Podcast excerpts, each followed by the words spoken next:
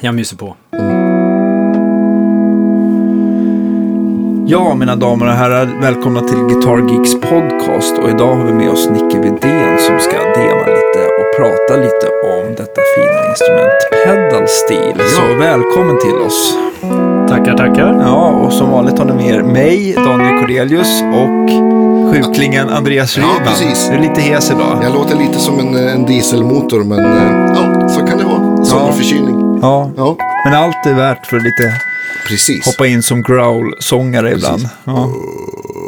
ja, perfekt. Grymt. Välkommen Nicke, jättekul Tackar, att du tackar. är här. Ja, skoj. Mycket. Verkligen. Jag, jag och Nicke, Danne frågade innan, vi kom på att vi har spelat ihop i, i över 15 år. Jag tror det borde bli något sånt. Ja, Ja, time flies. absolut. Jätteroligt. Och vi har, vi har pratat om det länge, det har stått på i alla fall min lista här, eller vår lista här på saker vi måste ha med i vår podcast. Vi måste ta hit Nicke.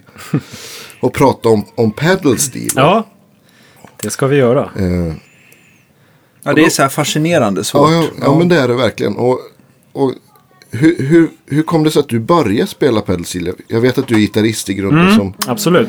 Um, det är svårt att hitta någon sådär exakt eh, någon startpunkt liksom. Som var någon sån där game changer för mig. Men ehm, Det känns ju inte heller att det är den här liksom eviga problemet att det är för många gitarrister och någon får börja spela bas. eller du får börja spela Ja. pedal steel. ja, nej, men jag tror, jag tror att jag alltid har varit sådär fascinerad av det utan att riktigt veta vad det var först. Sådär, Ja. Man har hört det på plattor. Då får man fått använda någon form av sådär slutledningsförmåga. Vad det var för instrument som lät sådär. Liksom. Ehm, men sen så började jag spela. Jag började spela gitarr tidigt som sagt. Ehm, och sen köpte jag en banjo. Sådär lite nästan av en slump. På rea i en musikaffär. Jag tyckte det var lite ballt instrument. Och så det blev lite inkörsporten till och då upptäckte du kanske bluegrassmusik? Då? Ja, precis. Och lite country sådär. Och så var det lite den vägen som Ja, okej. jag Men kom var, in på det. men var du uppvuxen med den typen av musik hemifrån? Eller hur? Nej, det kan jag inte direkt säga. Det har funnits sådär lite grann eh, med. Man har ju vetat vad det är för typ av musik Ja. sådär. Men det var inte direkt att det färgar mig sådär. Som gitarrist då, hur kom du in på, på gitarrbiten från början? Var det... Jag plockade ner en ackgitarr hemma hos min mormor en gång. Och började fingra på. Ja. Jag tror att det alltid var, det var instrument överhuvudtaget som var Okej. fascinerande sådär. Det var inget sådär direkt att måste vara gitarren. Jag vill minnas att jag då ungefär när jag började spela gitarr så var jag mest intresserad av att spela trummor. Ja. Men det var väl ett ganska bra val tror jag. Att leda in mig på gitarren istället. Verkligen. Och från början faktiskt, och det kan vi återkomma till sen också. Eh, när jag var liten så ville jag börja spela eh, säckpipa eller harpa. Okej. Men då fanns det inga...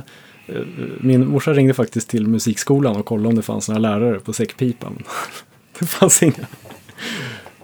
Harpa, ja, men du har ju nästan det har lite många- gemensamma mm, beröringspunkter sådär, det har det. i Ja, vad kul. Ja, det får du instrumentutvecklingen berätta om faktiskt. sen. Ja, Ja. ja.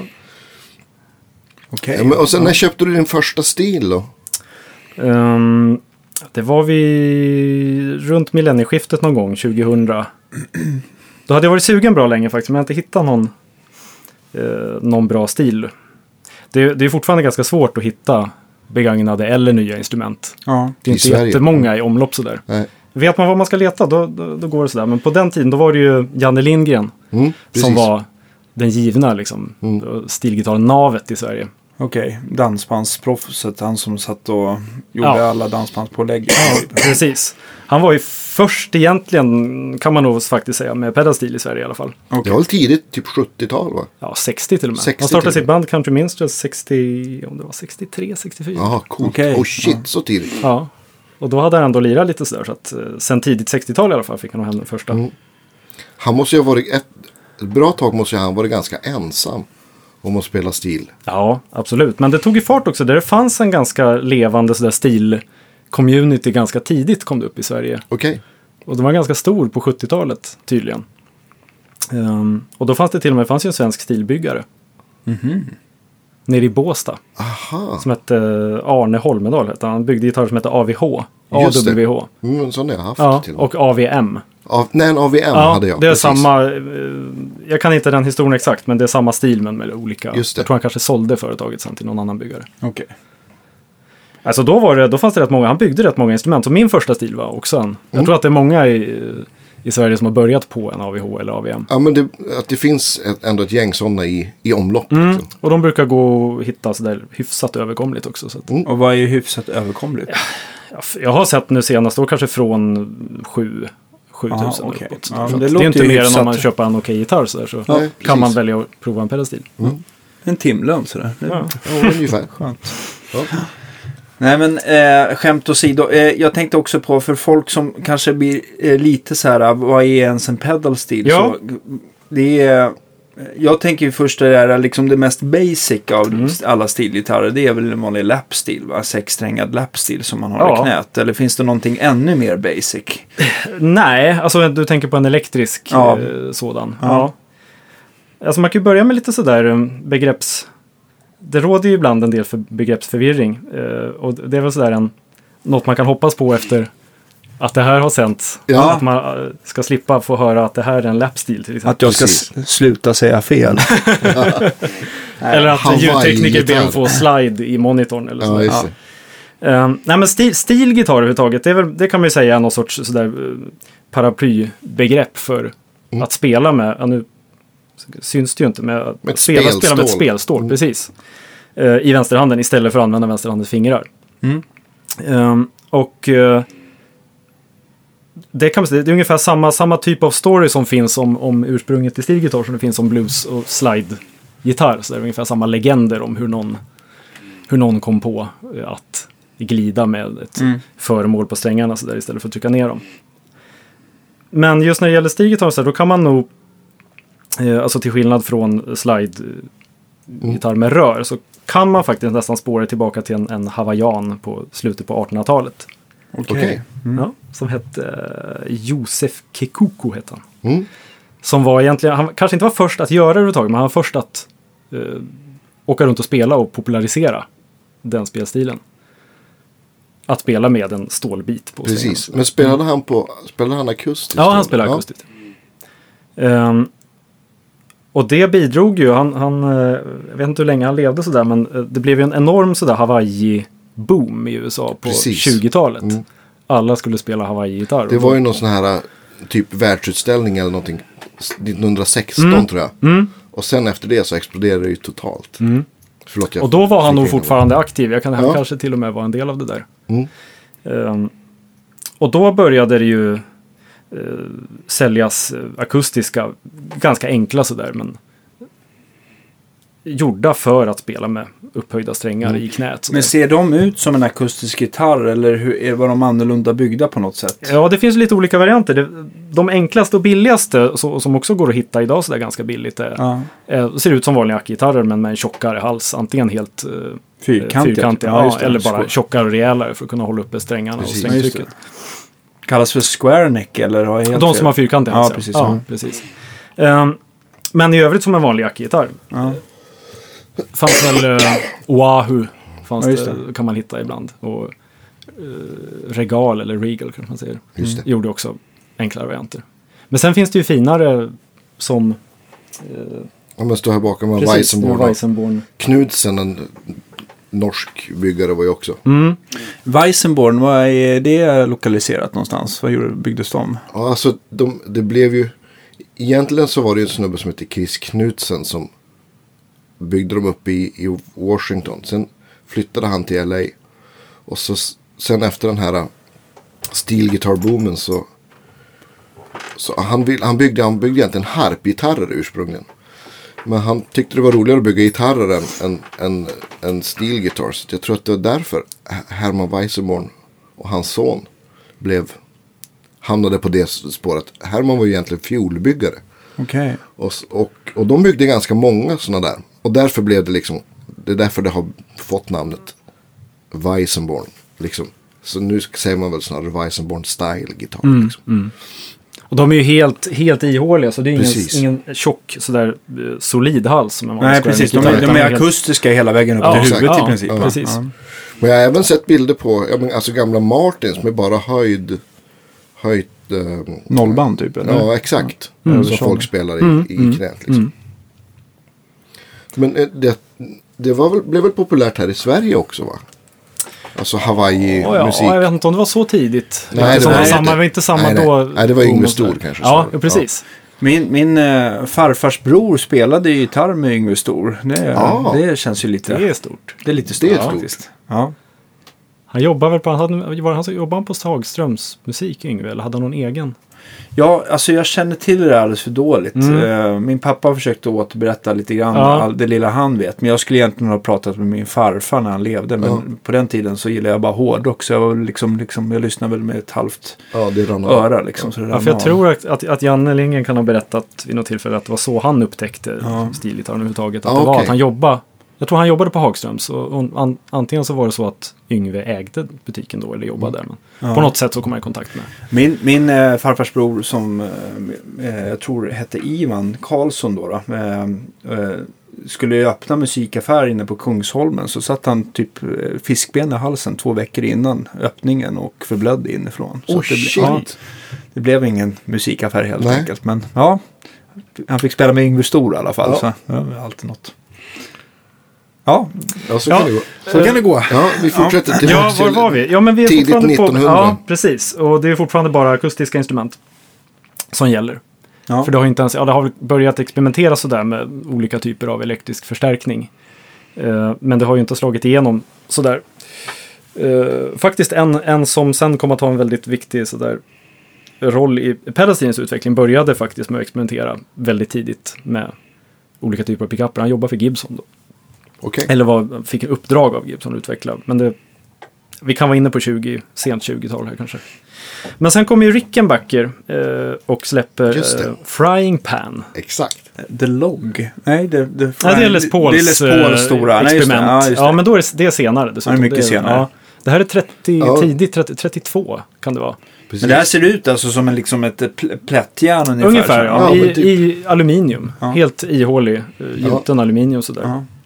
Men det brukar väl räknas som den första, åtminstone serieproducerade elektriskt förstärkta gitarren överhuvudtaget. Ja. Och det var då en lapstil. Mm. Ehm, och det, då var det, ju fortfarande, det var ju fortfarande inne sådär med, med Hawaii-stilen. Jag vet inte om det var samma, samma eh, sådär craze fortfarande efter Hawaii-instrument. Men då när där det gick att tillverka väldigt enkla, för de var ju väldigt primitivt eh, utformade också. Det är ju en lapstil överhuvudtaget. Det är väldigt enkelt att Ja, konstruera just. en lapstil. Ja, just. Just. Vill man testa att bygga ett instrument så kan man ju prova att bygga en lapstil. Ta en planka. Ja, och bara fästa två fasta punkter för strängarna bara. Som är, Precis. Ja. Ehm, men det såldes ju enorma mängder då på postorder. Uh, lapstils och förstärkare. Och det går ju också fortfarande att hitta ganska överkomligt gamla vintage Mm. lapstils tidiga sådär. och Ofta Ja, med precis. förstärkare i, i paket. Om man ska titta efter en gammal vintage lapstil, är det någon som du alltid tycker, fan de här låter riktigt bra? Oj, ja, jag är inte riktigt lika sådär insnöad på lapstil faktiskt. Det kanske du har mer koll på, Ja, Andreas. jag är dåligt på gamla. För du har ju ett par gamla Jaha, den, finingar här. Det är en National där va? mm, precis. Den låter jättefint. Mm. Åh, men det finns väl alla med. Ja, Gibson, det- alltså, gjorde Gibson är väl. Ja, Fina. absolut. eh, Supro gjorde väl, Ja, jag tror att, eh, ja. Supra är jättefina. Jag, ja. Mm. Jag, har, jag är för lite vintage-nörd för att kunna gamla Ja. Nej, men man har ju sett hur många som Ja, ja, helst sådär. absolut. Så att, eh, Ja. Jag tror att den, de allra första Frying Pan, de låter nog ganska tråkigt egentligen. De jag har hört sådär. Det, Ja. det är ganska... Det är inte så mycket ton, det är mycket Nej, bara... plonk. Ja, som en ölburk med Precis. strängar på. Ja, Men, eh, nej, mina favoriter annars är Lapsteels. Det, de kommer in senare. Det är Fender, Okej. Fender Lapsteels som dök liksom, upp sen på eh, 50-talet. Med, Ja. Men Det var ju nästan så Fender började liksom med så. och förstärkare Mm. Ja. runt slutet av 40-talet Ja. där, innan Okej. tvn kom i, just det. in i bilden. Så att jag Mm. tror att de redan startade väl det här, det måste ju varit 45 någonstans, Ja, första jag- stärkarna jag- och lapstilarna. Jag tror första Lapsteel kom 46, Ja. tror jag. Så att det Ja, stämmer nog. hyfsat bra i alla fall. Mm, Godkänt. 46, ja. Ja. jag tror det. Coolt. Men Ja. eh, det är ju ännu lite långt. eh, Vi, vi har gjort ett litet hopp fram i tiden. Ja, men vi, det, Ja, är- för det, redan det, där- det, det redan är som att på dansa 30 jänka och Ja. prata med oss. Det är liksom två steg fram, ett bak. Ja, men redan på, redan på 30-talet så... ehm, då kom man ju på, eller... När man, när man spelade lapsteel, eller när man spelar lapsteel överhuvudtaget och har sitt stål som man för helt rakt över strängarna sådär. Mm. eh, då är man ju bunden till, när, i alla fall när det gäller ackordsmässigt, att spela de ackord som stämningen tillåter. Ja. För det är ofta, precis som man spelar slide, att det är öppna, öppna ackordstämningar som, som dominerar. Ehm, eh, och då så var det ganska vanligt att, att eh, ha ganska många halsar, upp till fyra, kanske till och med fem stycken. Men vanligt med två eller tre halsar på samma instrument för att kunna ha lite olika stämningar att variera mellan. Ja, Om man just ha ett öppet durackord på en hals, ja då, var man ju, då kunde man bara spela durackord. Ja. Då gick det inte att, om man ville spela moll eller sexackord eller sjuackord, då var man tvungen att ha en till hals med en annan stämning på, Precis. att kunna variera ja, mellan. just det. Just det. Om man vill ha fulla ackord. Ja. Så att säga. Precis, och där finns det ju mängder med varianter. Och både när det gäller, eh, när det gäller stämningar och när det gäller strängantal så finns det ju massa olika varianter. Från sexsträngat som är enklast och vanligast där upp till eh, åtta är inte ovanligt på lapstil. Så. Nej. Okej. Men i alla fall då så, eh, ja, de blir ju ganska stora och otympliga. Sen sån här fyrsträngad och i case, det väger ju en hel del. Så det var ju inte så jättekul att släppa runt på. Så då börjar man ju experimentera lite med att och försöka att på ett enkelt sätt eh, ändra enstaka toner i stämningen på en hals istället för att behöva ha två halsar. Okej, okej. För att kunna ändra mellan dur och moll eller se- sex. Ja, eller, mm. Precis. Ehm, och redan där i mitten, mitten, slutet på 30-talet så gjordes det lite försök att med olika typer av, av mekanismer som... som Jaha, så pass tidigt Ja, alltså. faktiskt. Vad Eh, coolt. Jag tror att, att de som var först med att överhuvudtaget försöka söka något patent var... eh, om det var ett gäng bröder, jag vet inte hur många de var, men hade ett företag som heter Harlin Brothers. Okej. Och eh, de, har, de, de fick någon form av patent, men jag tror ändå att de fick det kanske lite senare. Men på, på en, en, eh, en form av mekanism som kunde sänka eller höja toner i Mm. en enda stämning då. För att kunna eliminera behovet av en ytterligare hals. Och jag vet att det fanns en, en, eh, en tidig pedalstil också. Som det då kom att kallas i och med att de eh, här olika typerna av mekanismer som höjde eller sänkte toner var kopplade till pedaler som man då tryckte ner med fötterna. Inte helt olikt en pedalharpa. För att koppla till, Jaha, okej, till, till, en harpa. Ja, Ja, just det. Ja. för det, funkar ju på samma sätt. Exakt. Det kan vara en diatonisk stämning och sen för att få kromatiska toner får man trycka ner Mm. olika pedaler i olika fasta lägen sådär. Exakt. Just det. Och det var ju också så som de första pedalstilarna funkar, att man höll ner pedalen för att byta stämning helt enkelt. Ja, man tryckte ner sin pedal och fick man en annan stämning. Och sen om man ville byta tillbaka och släppte man upp pedalen. Mm. Och det fanns ju lite olika pedaler. Det var inte bara en kanske som bytte till en stämning, utan då kunde man helt plötsligt välja flera stämningar. Då kunde man ha till och med mycket fler stämningar än vad det fanns på en Ja, just det. fyrhalsad. Sådär. Men kunde man låsa de pedalerna på något vis då också? Eller, eller höll man ner dem? Så, eh, på de jag har sett och, och känt på sådär så har det varit att man har fått trycka ner den. Ja. Så man fick ju ha en Ja, åt gången, eller kanske två. Men Så att spelsättet var fortfarande lapstil kan man säga. ja, det var bara Okej. att då, man kunde... Man kunde inte Göra glida som, det instrumenten gör, mindre. som man gör idag. På det Nej, sättet. precis. Nej, Men eh, Gibson gjorde en, en tidig variant som hette Electra Harp. Den kanske ni har sett. Som var lite, jag tror att Säkert, den det gjorde lite in intrång klockan. på det här patentet från de här Harlin, Bro- Harlin Brothers. Så att de, de fick sluta tillverka den eller göra om sen designen på den Ah, senare. Men det var om det var 39 eller 40 som Gibson släppte den. Okej. Och då hade den... Ja, det var ju som då en lapstil, eh, men på ben. Mm. Och det har ju funnits tidigare än så också, att man har satt upp den med ben för att kunna sitta och spela istället Just för att ja, kunna sitta med benen och knän fria istället för att ha den i knät.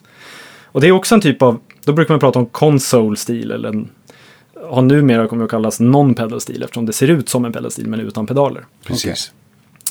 Och eh, den här eh, elektroharpen då, den hade fyra ben, stativ då som instrumentet stod på och sen så gick den från det ena frambenet så gick det ner eh, lite kablar sådär som drog i, Ah, okej. i just det. som var fästa till ett gäng pedaler som bara var, gick ut från ett ben då. Så det är ganska Ah. olika om man, ja, de flesta kanske har sett en pedalstil eller kan lite snabbt googla upp och se hur den ser ut då, men eh, de ser ganska olika ut från en, som den här jag sitter vid nu, eller en modern pedalstil överhuvudtaget. Och då så, som sagt, så spelar man ganska statiskt sådär, man tryckte ner pedalen, man kunde bygga eh, nya stämningar, man kunde tänka på det som en stämning men att man kunde bygga ackord. Och det var också namnet på den här Harlin Brothers-stilen, hette eh, Multichord. Ah, okej. Så att det var inte bara att man kunde byta stämning utan man kunde tänka sig som det är en enda stämning men man kunde få flera olika typer av ackord. Vad, vad, vet du vad, vad var liksom deras ursprungsstämning så att säga? Det var också, det var, det var väldigt, eh, fanns ingen riktig sådär standard. Nej. Det var musikerna själva som kunde ställa in det. Och de var väldigt enkla att koppla om också. Okej. För det var någon liten, eh, som en liten matris eh, eh, som vid stallet. Som man kunde liksom koppla om, om man tänker sig som en, nästan som en patch bay Ja, ungefär. Mm. Kablar Okej. kopplas till olika strängar och om det ska vara en höjning eller om det ska vara en sänkning. just det. Och sen kunde man stämma upp hur mycket den skulle höja eller sänka. Mm. Så att de är betydligt enklare att sitta och mecka med sådär än, än dagens moderna stilar. Men så var de ju kanske inte lika bra på att hålla stämning och Nej. sådär heller. Men vad utgick man från? Var det ytterst individuellt? Eller det var inte C6 eller A6 eller? C6 och A6, ja, de som har grundton på C, A, eller E oavsett om det är eh, E6 och C, om det är sexstämningar eller om det är eh, sju stämningar som har en liten sjua med sig eller nio också. Dominerade ju sådär på lapstil-fronten. Mm.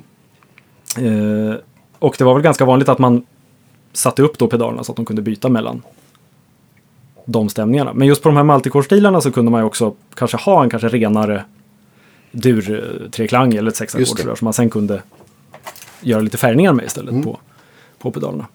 Om, om jag bara backar tillbaka till eh, eh, en vanlig lapstil där som Mm. är sexsträngad. Man brukar, om vi säger att man stämmer den i en vanlig C6 som jag antar är ganska standard så är det E6. Jag vet Mm. inte vilken som är mest populär då. Men, men om man eh, från den här sexsträngade lapstilen, om man adderar två strängar åtta, adderar man liksom precis som på en elgitarr att man lägger liksom strängar utanför de sex, alltså om du tänkte alltså upp eller ner i pitch eller lägger, försöker man liksom tränga in stämnings, eller alltså strängar emellan de sex liksom, om du förstår vad jag menar. Ja, eh, det finns också alla, alla varianter. Luddig men det- fråga. Ja, men en bra Nej, men, fråga. ja. Ja. Har du själv, har du någon åtta strängar lapstil? Nej, jag har inte det. Vi pratade om det Ja. sist vi giggade här för någon vecka sedan.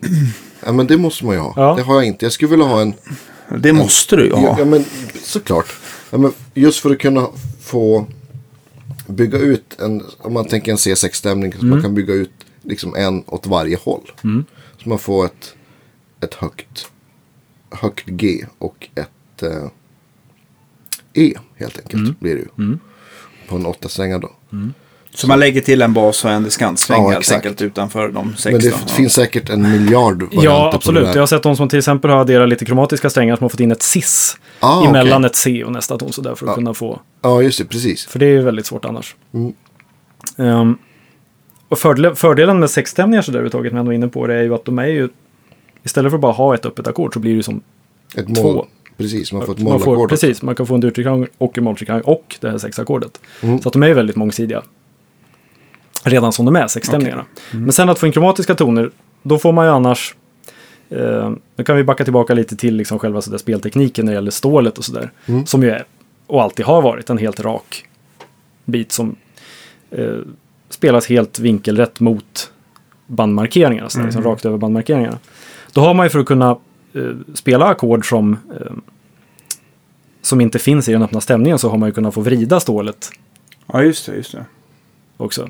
Problemet där är ju att det är väldigt svårt att få dem att stämma exakt. Det Ja, blir ju precis. kompromisser på alla de tonerna då. stålet Om det är fler än två. Ja, precis. Två går att spela hyfsat rena intervall. Och det var också då en stor eh, nyhet med de här pedalbaserade lösningarna. Att då Mm. kunde man ju ta samma typ av ackord som man kunde med att vrida stålet. Men då kunde Ja. det gå att få stämma hyfsat rent istället. Mm, mm. Och då finns det ju, eh, där på slutet på 30-talet och, och 40 så finns det en, en förgrundsgestalt som heter Alvino Ray. Okej. Jag, eh, jag tror jag nämnde honom nyss, det var han som jobbade åt Gibson och tog fram Ah, det. eh, Ja, ja. gitarrmickar. Mm. Han var tidig med att anamma både elektrisk lapstil men sen också pedalstil. Och han var storbandsledare också, så det finns rätt mycket kul så här gamla gammal storbandsjazz med pedalstil. Ah, vad coolt. Ja. Och då hör man inte kanske där tydligt, det är svårt att avgöra om det är en pedalstil eller om det är en lapstil. När man hör på tidiga sådär inspelningar. Eh, För eh, det man är van vid sen, vi kan eh, ta upp Ja, Om jag nu- precis. En litet, Ja. litet ljudprov. Nu spelar jag på min stämning här. Vi kan gå Ja. igenom den stämningen lite Ja. senare. Men utan att ha stålet med nu, utan att bara spela öppna strängar så har vi ett rent E-dur-ackord här på de flesta av strängarna. Så den, den, den så här riktigt stora eh, det som gjorde att, att, att pedal steel började låta som man är van vid att höra pedal steel idag. Mm. Det gjordes i början på 50-talet sen. Det är ett ganska stort hopp framåt. Så hela 40-talet är i princip... Det hände inte så mycket förutom att Det hände, Fender mycket, gjorde... det hände mycket sådär uh, instrumenttekniskt. Det blev ju finare och finare. Bigsby började till exempel. Honom får vi Ja, inte okej. hoppa över på Nej, 40-talet. nej. Samma Bigsby som gör svaj. Ja. Eh, Och fina gitarrer också. För Ja, en som jag tänkte ja. på Grady Martin. Ja, men precis. Ja. Ungefär i samma veva där i mitten och slutet på 40-talet så, så började han bygga både stilgitarrs utan pedaler men på stativ då. Och pedal steels. Och han var, jag tror att, att, att Bigsby-stilen var de första som hade pedalskenan med fotpedalerna mellan benen som en modern Ah. Aha, fast det var Så- inte fullt lika många som man har idag va? nej, inte riktigt. Jag har åtta på den här och det, max brukar vara mellan åtta och tio men Bigsbys med en, upp till sex pedaler var inte ovanligt. Okej, okej. Känner, känner, bara för att, uh, ren nyfikenhet, du som har åtta pedaler, känner du bara fasiken, jag skulle, om jag bara hade två till? Eller känner du att det det, är samma räcker det är som med alla pedaler. Exakt. Man kan alltid ha en till. Okej, ja men då. ja. Ja, men det, får inte, det får inte plats så många. Jag har plats för två till på den här, men jag, jag utnyttjar de som, de som finns. Ja, ja. Vi, det bör ju också tilläggas här, i och med att vi inte är i bild, att Ja. Nickes stil har ju två halsar. Just så att det är väl fyra till varje hals. Precis. Mm. Nog om det. Fortsätt med... Ja, ja sorry. eh, jag var på Bigsby, ja. Och hans pedalskena. Som Just gick emellan benen på stilen i fronten. Och då började det se ut som en, en modern pedalstil. Och eh, en av de första sådär eh, kända kunderna då var ju Speedy West. Mm. Honom känner vi ju till. Jimmy Bryant och Speedy West. Ja. Stratosphere Boogie, den borde alla känna till. Det blir en fin Spotify-lista Ja, på det här den- den kommer bli Oj, oj, mäktig. Han är väl den, eh, den nästan, jag vet inte om man ska säga mest ekvilibristiska, men en av de mest, eh, ja, jag förstår tekniskt avancerade. Av eh, de tidiga där, ja. Ja, absolut. precis. Ja, den, den, det står sig ju än idag. Det är ju väldigt mycket effekter. Det är Ja. mycket cirkus ibland. Ja, jo, jag gillar Ja, cirkus. Mm, självklart. Det är bra. Men mycket, mycket av det kommer ju också från uh, Alvino Ray. Var Okej. rätt mycket sådär showman. Ja. Han utveck, utvecklade till exempel också, förutom eh, att vara en, en förgrundsgestalt för pedastilen, så var han en av de första som utvecklade en form av talkbox. Faktiskt. Just det. Ja, men det, kan man ju, körde- det, kan man ju, det finns ju jätteroliga på... ja, YouTube. Ja, gamla singing, singing-stil. Exakt. Det utvecklades senare också av Pete Drake som kanske gjorde det ännu Ja, mer det är känt han som jag har sett Ja, med. Ja. precis. Men det är samma koncept, att ha en form av talkbox som gör att stilen börjar sjunga. Och det gjorde Nice. han både med den typen och med, med tonkontroll. Det var han Just det. mästare på också. Få. Ja, just det. Då hade de väl nästan tonkontrollen i pedalen, Mm, va? det fanns också. Ja, för som du har nu så har du egentligen bara en volympedal. Precis. Och de här gamla som man har sett från, från eh, 40-talet, då kan man ju liksom som en, det är som, ser ut som en vavva fast Mm, man det kan liksom skiva som dra, man drar skiva som man kan dra åt sidan. Som, Precis. som drar liksom, det blir väl dovt åt ena hållet Ja. och ljusare åt andra hållet. Ja, då. så det blir lite wawa. Ja. Inte wawa, men en tonkontroll på en, Boa. en tele. Vad sa du? Boa brukar man Boa. prata om. Ja, okej. Från att det är helt avrullad diskant till fullt Ja. på. Ja, just det. Ehm, men Speedy West då, det, även i hans spel så är det ganska svårt att avgöra om han spelar med pedaler eller utan. Mm.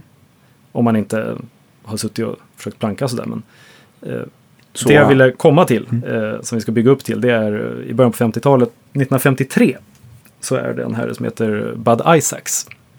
Som var... ehm, han spelar med, bland annat då 53 så spelar han med Webb Pierce som är en countrylegend. Mm. Och eh, spelade in en låt som heter Slowly. Och där så använder han för första gången, inspelat i alla fall, en, en pedal som han lät Bigsby sätta på sin stil. Som i hans då i grunden E-dur-stämning. Som det här i ackordet Mm. som jag var på väg mot förut. Så hade han en pedal som ändrade då två toner i den stämningen. Som ändrade gisset, tersen i ackordet, Mm. Höjdes upp till A från giss. om man trycker ner pedalen. Samtidigt som B-tonen, kvinten, höjdes upp till cis. Okej. Så att man, genom att trycka ner bara en pedal så kunde man ändra det här E-ackordet till ett A. Precis. Och det som var revolutionerande då, det var att han använde den här pedalen inte bara för att byta från det här E-ackordet till A-ackordet, utan att göra det steglöst medan ackordet klingar så att det blev... Så det är första låten där Ja. det förekommer. Så den typen av, av sound hade ingen hört då. Så det var ju något helt nytt. Det var liksom dåtidens svar på Van Halens Eruption, kan man Ja, säga så? typ. Ja. Ungefär. Ja, men det måste ju vara ytterst Hur revolutionerande. gör han? Ja, absolut. Och det kom ju folk ganska fort på, för att det var ju inget nytt med Nej, överhuvudtaget. det. folk hade upptäckt att trycker man ner en ton så är det klart att den, den drar i den. Mm. Men att så enkelt och så snyggt emellan två, för det är egentligen bara det en, en, en ton som ligger statisk kvar medan två andra ändras. Det är ett otroligt enkelt koncept. Men såklart så började ju folk försöka komma på vad han hade gjort och lyckades ganska tidigt. Och framförallt två personer som heter Buddy Emmons och Ja. eh, Jimmy Day kom ungefär på samtidigt vad han hade gjort. Och tog det ett steg längre och splittade upp den där pedalen. Så att de tog två separata pedaler där en höjde gisset till A. Och en höjde B till cis. Och då kunde man ju få betydligt fler kombinationer. Då kunde man inte bara få E-ackordet och A-ackordet.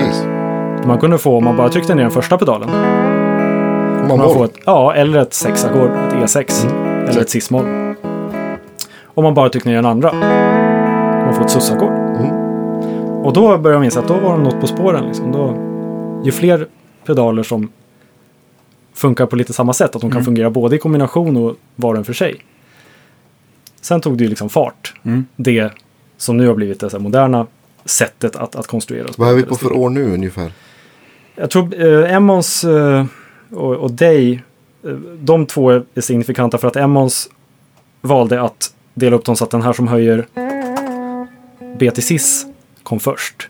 Ja. Från, om man räknar från vänster Mm. där man har pedalerna. Och Jimmy Day gjorde tvärtom. Och de två har levt kvar som två så här standarder. Jag skulle tro att det här är 56 eller 57. Så man brukar prata om när, när man, vilken stämning man ska ha på stilen så brukar man snacka om, om Emmons eller Day setup på pedalerna. Ah, det- okej. Så att stämningen i sig är, har, den har samma funktioner pedalerna oftast men de är liksom spegelvänt.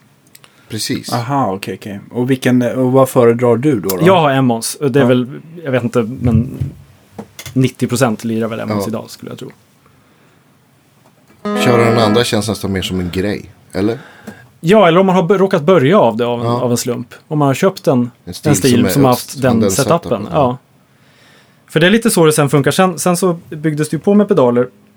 Och ehm, funktionerna, eftersom folk lyssnar på varandra, det är en liten, det var en liten community. Så Mm. det är studiomusiker i Nashville som lyssnar på, vad, lyssnar på varandra. Så, där. Ehm, så man hade ju ungefär samma typer av funktioner på pedalen, men de kunde variera lite var de satt Mhm. också. Och det är likadant idag, att det finns, Men även om stämningen har blivit... De, Ja. Byggde de själva då? Eller En hur- del, det finns stories om hur eh, när folk hörde de här grejerna på radion så gick de ut i garaget och började leta gaspedaler liksom, Ja. till bilar och växelvajrar och mecka ihop själva. Så jag har sett väldigt primitiva eh, eh, konstruktioner. Man kan till exempel borra ett, eh, borra ett hål bara rakt igenom kroppen underifrån så där upp och ha en liten krok som sitter i. Som, Ja, som när man bänder bakom, bakom sadeln på en vanlig gitarr ungefär. Samma Okej. princip där. Och shit. ja, Och det är ju väldigt svårt att få den exakt. Ja, Men om man ställer verkligen. längden sådär och var den tar stopp och ser till att den går tillbaka med en liten fjäder, då kan det Det gå att få en, funka. en känslig vänster och bra gehör. Ja, exakt. och lite tur. Förlåt, jag avbröt dig där. På Eh, ja, nej, det, Nashville, det, det slutet bara 50. bra. Jag tänkte, ett, förlåt att jag Ja. avbryter, men Mm. jag, jag tror att jag ändå är det på spåren. För att när man bygger ut, jag tänkte på den här stämningen som var till 90%, var det Mm. Emmons Mm, eller? mm. Eh, och jag tänkte att den kanske underlättar för när man, det blev mer logiskt när man flyttade, när man byggde på med flera pedaler till den halsen. Är det så? Eh, ja, Eller- både ja och nej. För det enda sättet som Emos Day skiljer sig på det är de här två första pedalerna. Ja, just det. Men jag Resten tänkte att är de, nästan att de kom, samma. Ja, precis. Men jag tänkte att de kommer, jag tänkte att de kommer i ordning på vilken sträng som man höjer eller någonting så att man... Att Ja, egentligen, egentligen blir ju Day mer logiskt då. Faktiskt. Aha, okej. För den, de börjar med pedalen som höjer Den lägsta. lägre där. Ja, precis. Egentligen i stämningen nu som den är, nu har den dessutom blivit 10-strängad.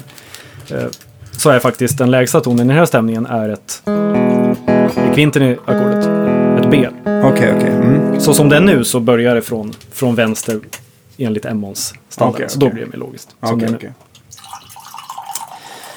Eh, Gud vad kallt det var. Det var inget gott. Mm. Andreas jag hällde upp jag eh, fel kaffe. svinkallt kaffe. Men det var skönt. Ja, nej men det, det är sommar. Ehm, bra. Vilken, vilken, vilken fail. Nu känner jag att vi måste styra upp det. Ja, Jag trycker paus. Nytt varmt kaffe. Nu kör vi igen. ja. Har du tryckt på play? Ja, bra.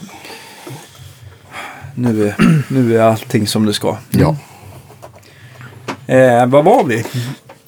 Innan, innan det kalla kaffet eh, Ja, Ja, precis. kom in. Ja, men Ja. vi, är, vi är ungefär där, där eh, stilen är ja, nästan idag. Man kan nästan snabbspola lite grann efter, efter det här. För nu börjar det liksom ta fart och nu börjar fler och fler eh, individualisera och komma på ännu fler lösningar. Sådär. Men Bademos var väl lite Ja. sån Ja, det fortsatte han ju vara hela sitt liv. Ja, så men var han precis. nästan den Pionjär, främste. får man väl säga. Ja, På att kan- utveckla själva spelandet eller, eller jag utvecklar instrumentet. själva instrumentet, spelandet, eh, sound. ja, överhuvudtaget. Så, eh, Kan man säga att han var liksom stilens John Coltrane, Jimi Hendrix och Van Halen på något vis? ungefär så. Som verkligen som tog det till en helt, Ja, helt, helt ja, ny ja. nivå. Bara sk- skriv Bademos på YouTube så sen kommer ni Ja, gapa. ja, där finns det hur mycket som helst. Är han mera, eh, jag har ju egentligen bara tittat in Speedy West där, men det är ännu mer breathtaking. Ja, det är det. Ja. Men han började ju ungefär, han dog ju nu för två år sedan. Mm. Eh, och vad var han då, närmare 80. Så han, eh, han började ju lira ganska tidigt. Han var väl igång i eh, tidigt 50-tal och spelade Mm. makter. Så han var ungefär lite samtida då med. ja. Eh, Med Speedy. Mm. Och spelar ju både såklart, börjar ju utan pedaler.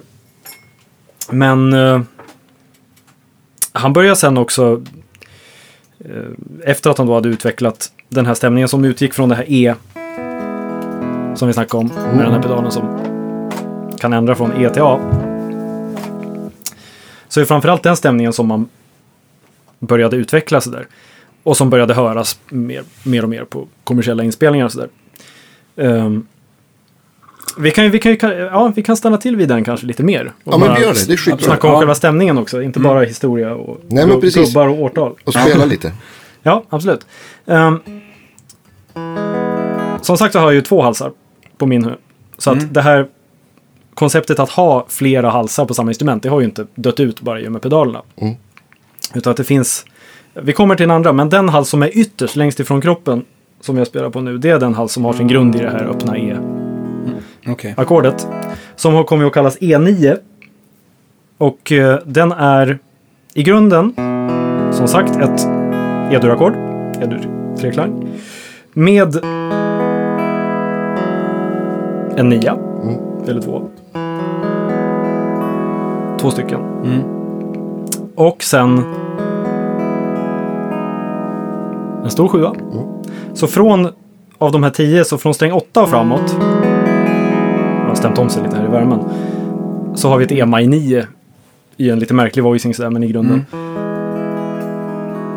Men sen under den här grundtonen så har vi en liten sjua också. Och sen kvinten i basen där. Så att vi har liksom ett EMI 9 och ett E9 ihop. Precis. Och man har valt att kalla det E9 bara. Så. Mm. Ska man vara det- lite skulle det vara EMI 9 slash E9. Eller? Ja. Det man hör här i alla fall, det är att liksom inte den ljusaste strängen nödvändigtvis är överst, utan det är liksom det. det är, Mm. man, Det där finns det också stories om. Mm. Som är Bademos ja. relaterade. För vi kan, vi kan kolla nerifrån. Från den lägsta strängen här. I den här Ja. stämningen så har vi ett B. Ja. D. E. Fiss. Giss. B. E, Giss och sen Just det. ett lägre Diss. Precis. Som ligger ett halvt tonsteg under E här. Just Och sen ett Fiss. Mm. Eh, och det kan vara lite märkligt. Det är ungefär som när man sitter med en femsträngad banjo och upptäcker att det finns plötsligt en En tunn bassträng. som sitter Ja, överst. Ja. Eh, och grejen var väl att, att på de här första varianterna av den E9-stämningen så var det här E på toppen. Så hade man de här pedalrörelserna under. Ja, just det. Men sen så var det en kille som hette Ralph Mooney som huserade långt bort från Nashville. På andra sidan kontinenten, bort i Kalifornien. I Bakersfield. Mm. Som la till då en ters på toppen. Han la till gisset. Ja, Ja. För att dels kunna få en fin ters Ja. där på toppen och att sen med en pedal kunna höja det. Till A, Ja. det också, så att han fick två. Precis, och då får du förklara att, att den pedalen tar, höjer båda då. Ja, precis. Exakt. Så att han byggde ut den liksom på toppen. Och så var det ganska länge. Tills vår vän Buddy Emmons.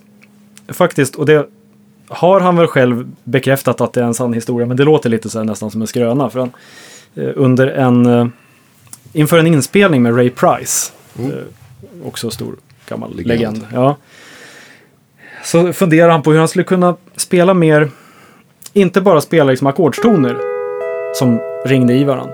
För man kunde såklart spela, och det hade man gjort ända sedan liksom, den mest primitiva lapstilens dagar. Att man kunde ju spela med stålet enstaka toner och flytta stålet längs banden. Sådär. Och inte bara spela ackord. Men han ville spela ackord som kling, klingar i varandra mer än bara de öppna. Precis. Och eh, spela diatoniska toner, spela meloditoner som klingar i varandra. Så Mm. Ehm, men då, den stilen då som han spelar på kunde man inte mecka om så enkelt. Det var också, och nu har vi hoppat fram till tidigt 60-tal, men i slutet på 50-talet så började Buddy Emmons och en eh, herre som hette Shot Jackson eh, bygga stilar under namnet Showbud. Och de har ju blivit, eh, de var ju störst ett tag Ja. på att serieproducera och bygga och hade stor fabrik i Nashville där, ja vad är det där nu? Det var någonstans mitt på Broadway. Jaha, okej. Ja. Det finns kvar, det är, någon, vilken, det är någon bar som ligger där som är i liksom Home of Showbud stil. Ja, men, ja, men exakt. Eh, på, på högra sidan är det väl va? Är det inte det? Eller? Om du räknar. Om man Varifrån? kom- eh, från hockeyrinken. Eller? Mm. Jo, men det stämmer nog. Mm. Ja. Eh, hur som helst så var de där. De servar, de är störst på att serva branschen så där med, med instrument. Mm. Eh, men de hade en variant som var ganska svårmäckad för de, de eh, vad heter det? Svetsa ihop mekaniken under. Okej. För att den skulle hålla sig så stabil som möjligt. Den Ja. hette Showbud Permanent. Kommer den att kallas den Hur modellen. det många strängar hade den? Eh, åtta Ja. tror jag var vanligast fram till dess. Med varierande sådär vad man hade i botten och inte Mm. sådär. Men eh, Emmons kom på att han ville då ha, förutom emellan, runt det här E på toppen. Emellan det E och gisset ovanför och det eh, sisset man fick man trycker ner pedalen. Så borde det rimligtvis finnas plats för att få ett fiss under gisset och få ett diss under E. Okej. Så att man, För att få mer kromatik. ja men precis, för att kunna få ett under gisset här. Få ett Vi kunde fiss, spela melodier också. ja. E1, diss Mm. och sisset. Um, men han hade ingenstans att sätta de där strängarna för gisset var ju på topp, första strängen. Just det. Eh, och han skulle precis göra en, en session med Ray Price. Med så här full sättning med stråkorkester och allting. Svindyr session med en tagning sådär. Mm. Och då får han för sig att ja, men jag använder ju inte så ofta de här Bassträng. bassträngarna, Nej. de lägsta två, på en Ray Price session. Så han satte på då ett fiss och ett diss. Ja, de bara flyttar Underst. ner liksom. Ja, Ja, ja underst. Jaha. ja så, Ja. så att de högsta strängarna hamnar i basen. Ja. Och provade då Oj. att spela en sån där grej. Men att man då fick hoppa mellan första och sista Ja. strängen sådär väldigt mycket. Och det finns faktiskt på tejpen. Perfekt tagning på Coolt. en Ray Price-låt som vi kan lägga in där i listan.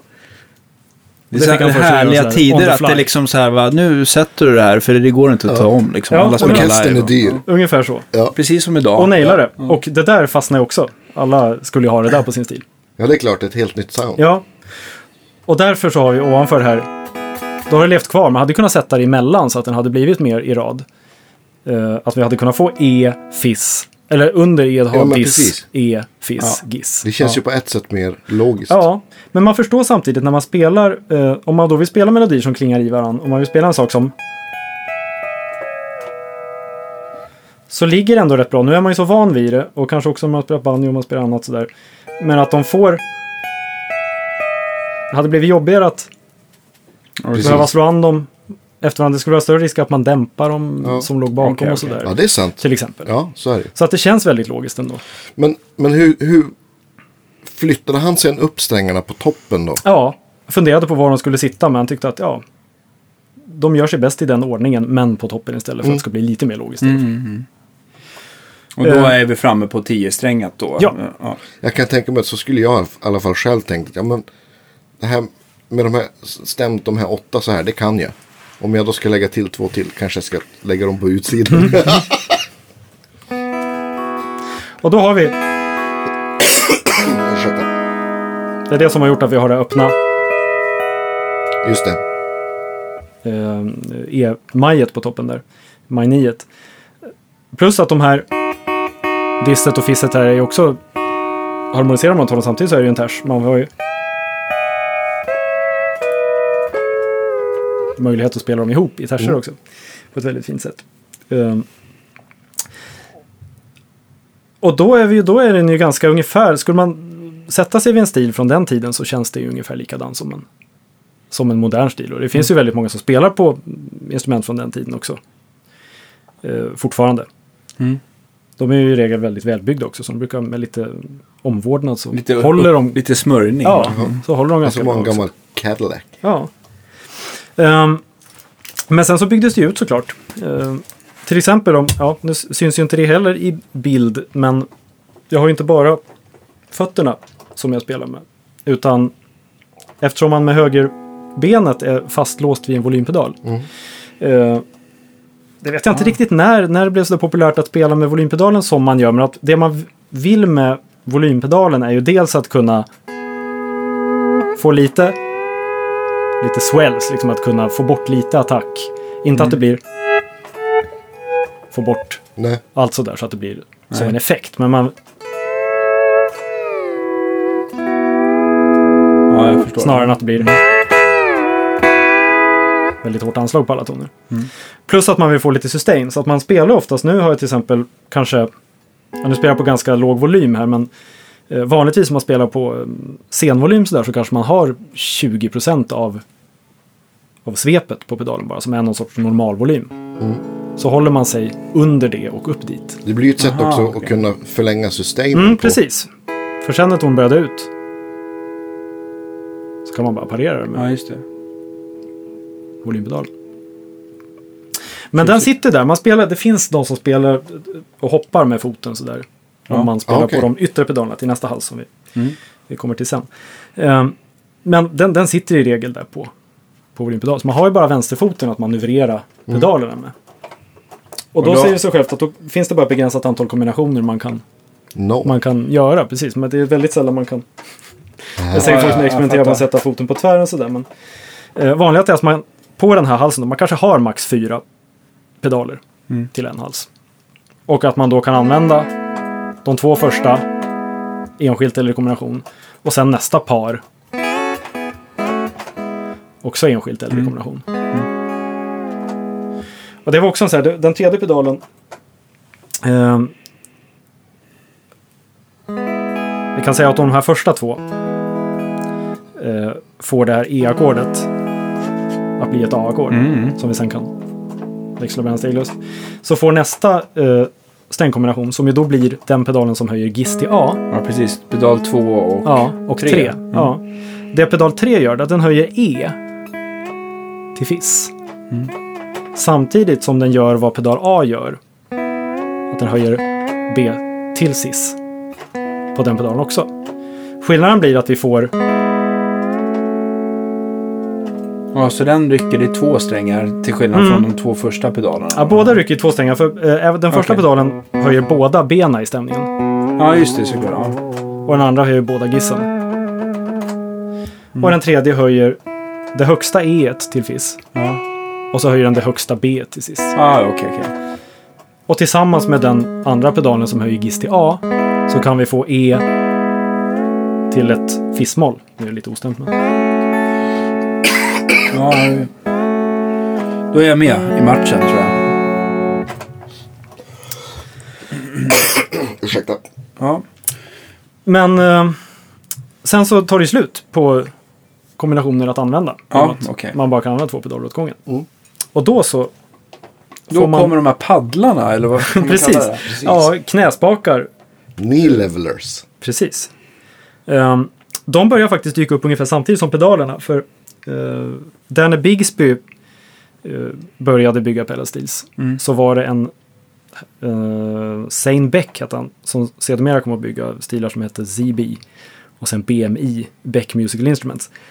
Han började experimentera med att istället för fotpedaler ha små spakar för knäna som gjorde samma saker som, Mm. eh, som pedalerna. Han tyckte att det kändes som den naturliga vägen att sitta vid en sån här stil på ben men att Mm. använda knäna istället. Mekaniskt enklare också om man tänker.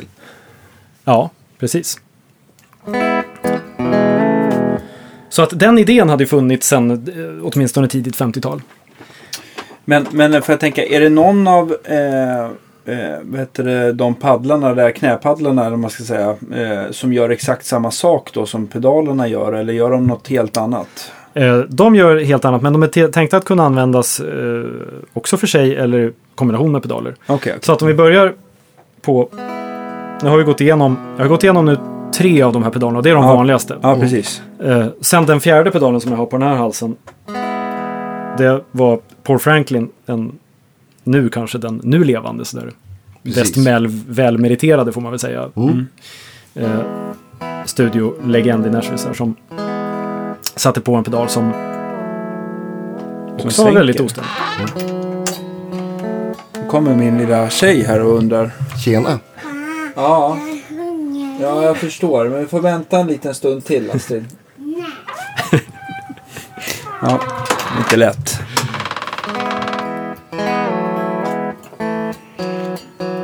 Okej, så den sänker istället då, då helt enkelt? Eller tänker jag helt fel? Eller hör jag helt Ja, fel? nej precis. Den, den tar de här strängarna, de två som var först att höjas i den här stämningen. Fem, eh, sjätte och femte strängen. Ja. G-strängen och B-strängen. Ja, Istället för att höja de två så tar pedal 4 och sänker dem ett helt Okej. var. Och det emot den här, det är lite ungefär samma idé som det folk hookade på när de hörde Bud Isaacs första pedal där. Att mot en statisk ringande ton så är det nu två pedaler som sänks istället för som höjs. Så det är liksom som en inverterad Mm. Exakt. pedal kan man säga. Och det satte han på någon gång på 80, kanske tidigt 90-tal. och Det hörs rätt mycket i hans moderna sådär stilspel. Mm. Men att få då... Men den är inte så här super...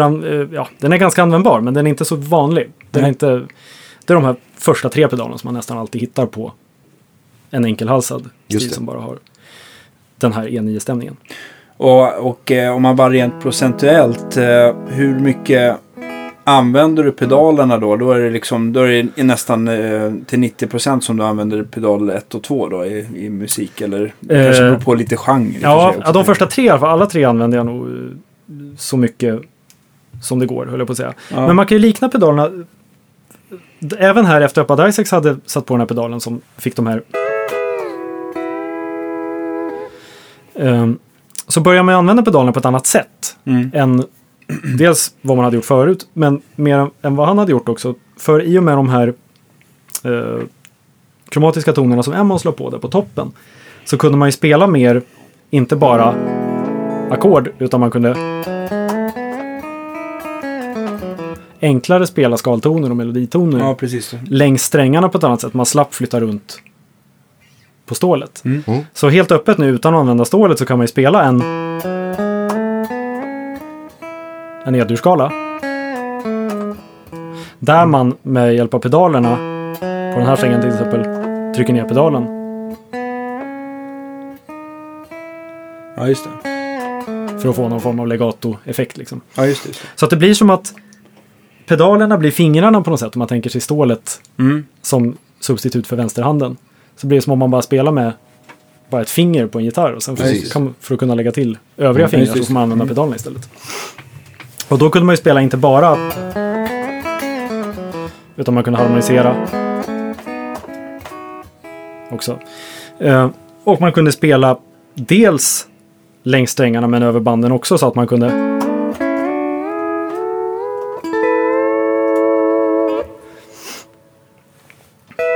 Harmonisera skalan helt enkelt. Ja, det är läckert. Ja. Och nu är du fortfarande, du spelar fortfarande, för alla lyssnare, är det fortfarande bara ABC-pedal? Ja. Eller? Ja. Ja. Ehm, C-pedalen kan man ju, om man har... ehm, om jag nu spelar med A och B-pedaler, man hör det här tydligt att det rör sig fortfarande kring det här durackordet. Oavsett om jag spelar i det klingande ackordet om jag spelar harmoniserat eller... Men om jag sen lägger till C-pedalen och kan spela mer med kompletta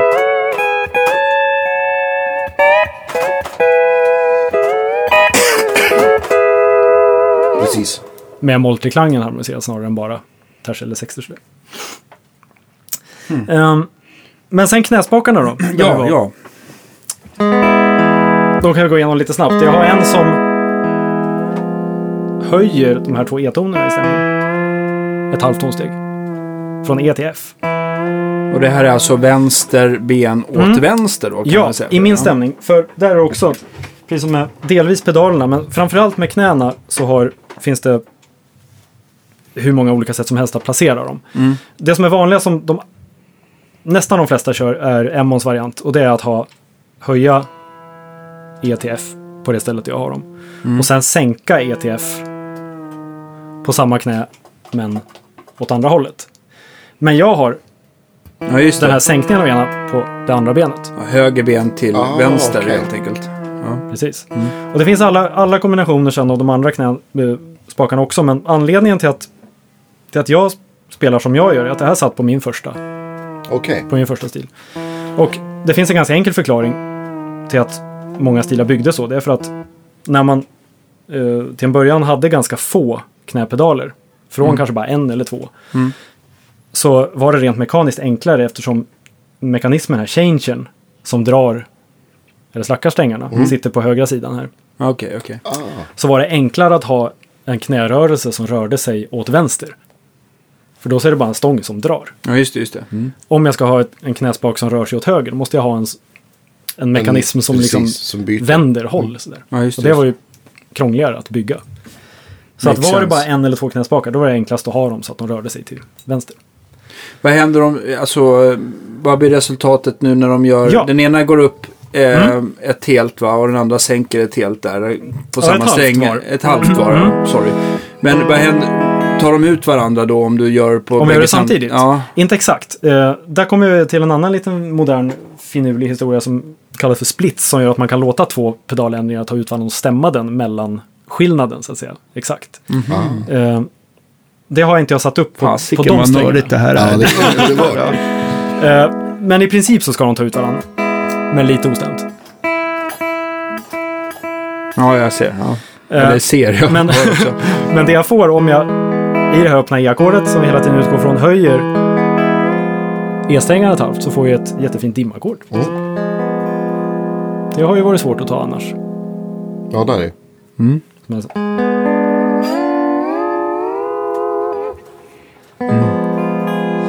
Om jag håller ner den här spaken och trycker ner A-pedalen. Får ett klingande sis. De i kombination. Som jag då kan välja att se som ett, om jag släpper upp A-pedalen. Jag ser det som ett sis 7 delvis. Ja. Ehm, och eh, om jag sänker E-strängarna. Då blir det att man sänker från E till S. Så att man kan se det som ett E till E-maj. Eller om jag räknar från gisset kan det bli ett gissmoll. Mm. Eller om man tänker från B. Så kan det bli ett B6. Ah, Ja, eh, vad har vi härnäst då? då? Det är Mm. paddel nummer eh, fem syrs. Nej, vad blir det? Du har egentligen bara, Ja. du har ju fyra paddlar totalt va? Fem på Fem. det ena. Och sen så har vi ytterligare tre till den andra halsen. Så att det är totalt åtta. Så det är åtta plus åtta. Åtta pedaler och åtta knäspakar på den här. Okej. Men vanligtvis på en sån här enkelhalsad, om man tänker bara en sån som har E9-stämning så brukar det vara tre, eller idag vanligt med de här extra fjärde, men tre pedaler och sen fyra eller fem knäspakar. ja, just det. Men det kan såklart variera med en gammal vintage-stil som kanske bara har eh, två knäspakar. Eller en, en enklare. Det finns ju lite så här studentmodeller också som Mm. kommer att kallas. Kanske har tre eller fyra knän max. Men eh, av de här vi har gått igenom nu, den som höjer ena och sänker ena. Är de kanske allra vanligaste. Mm. Och har man en stil med två knäspakar är det oftast de två man hittar. Just det. Och man kan ju bara snabbt... Eh, en liten sammanfattning so far. Hittills har jag nästan bara suttit och pillat på strängarna här i den öppna stämningen. Eh, det är för att visa att hur mycket man faktiskt kan göra utan innan man liksom lägger in stålet i det hela ens. Ja. För att om vi tar då öppet vårt E. Jag går till ett A. Om jag trycker ner halva A-pedalen kan jag ju få den ganska nära ett C. Så jag trycker bara ner en halvvägs, ska jag få ett A-moll. Liksom.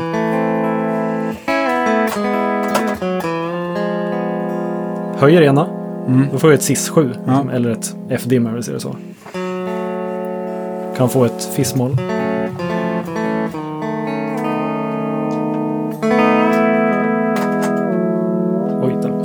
Ja, och nu har du inte använt det. Det är Nej, imponerande. Så det är sådär mycket man hittills med de där. Nu använder jag två pedaler och tre knäspakar. Två knäspakar. Just det. Så så mycket kan man göra med bara pedalerna. Ja. Och det är liksom innan man ens då har börjat lägga in stålet i det hela. Men för att spida på lite med knäspakarna så den tredje här. Den, vårt diss, majsjuan här om vi tänker utifrån E1. Sänker den Till ner till ett D. Ja, Liten sjua helt enkelt. ja, så jag kan få ett E-maj till E7. Men den har också ett litet hack här. Där jag kan fortsätta sänka den Ah, till sexan. Och det är kanske inte alltid man använder den i den funktionen att man får ett sexackord. Däremot kan man göra väldigt intressanta saker ihop med det samma cis i samma oktav jag får om jag höjer B-strängen till cis istället. Så att de blir unisona. ja, just det. För då kommer vi in på liksom ytterligare en, en, så här, en sak som gör stilen så unik som instrument är att man kan ju dels steglöst gå från ett ackord till ett annat. Enstaka toner som rör sig i stämningen. Men inte bara det, utan man kan få dem att röra sig i motsatt riktning mot varandra. Så att en ton sänks och en höjs. Så man kan spela jättemycket så här kontrapunktiska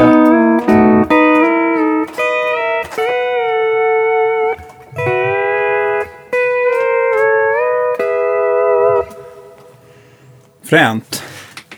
Så att det är väl. Ja vad den knäspaken mest används till. Och den sänker vårt D här på botten. Den lilla sjuan som redan finns där i den öppna stämningen. Sänker den samtidigt ner till ett cis. Det sisset finns ju också på tionde strängen, den lägsta strängen om jag trycker ner det här A-pedalen. Så de blir unisona. Ehm, det man framförallt kan göra med den är att jag kan få ett 7. Utifrån nionde strängen. Om jag trycker ner A-pedalen så kommer den höja även B1 så jag får ett cis-moll. Men använder jag bara det låga cisset så får jag ett moll 7. Ah,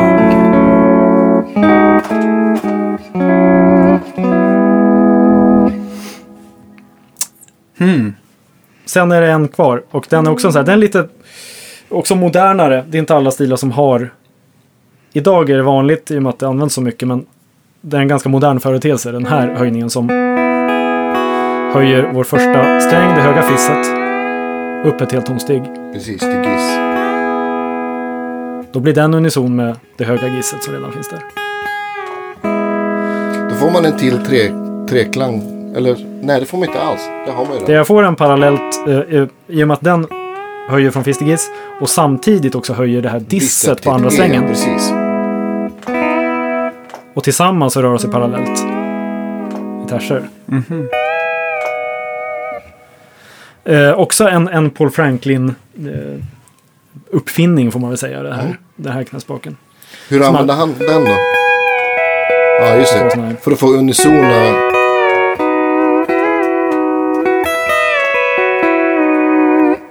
Just att få det här gisset. Jag, eh, kan man säga att det finns, finns det någon mästare som är, liksom, eh, som eh, är extra så här skicklig av de här gamla legendarerna på att använda eh, fotpedalerna och knäspakarna? Ja, alltså Emmons eh, var ju... Återigen. Det är Ja, urfadern. ja, precis. Men var han också bäst på att använda stålet rent tekniskt eller? Ja, det, man kan nog faktiskt nästan säga det. Nästan alla de här eh, som nu mera är liksom stora namn sådär har ju Mm. börjat med lapstil-spel. Ja. Så alla har ju fått börja med att lära sig dels intonera perfekt och Ja. använda stålet enbart. Mm. Och har kommit in på pedalstilen senare. Ja. Eh, Och det är den vägen man bör gå också eller? eh, idag finns det ju många som börjar direkt med pedalstil. Ja. Jag har ju, aldrig, jag har ju spelat mycket eh, innan jag kom in på pedalstil så började man ju försöka fejka det med så här, lite lapstil, lite slide och sådär. Men Ja. aldrig varit inbiten lapstilspelare på samma sätt. Nej. Så att det finns ju väldigt många som går direkt från att, att eh, spela gitarr till bara pedalstil till exempel. Mm. Och då får man ju en annan relation till det och spelar kanske mer beroende av pedaler sådär. Än Just att det. kunna spela med bara med stålet.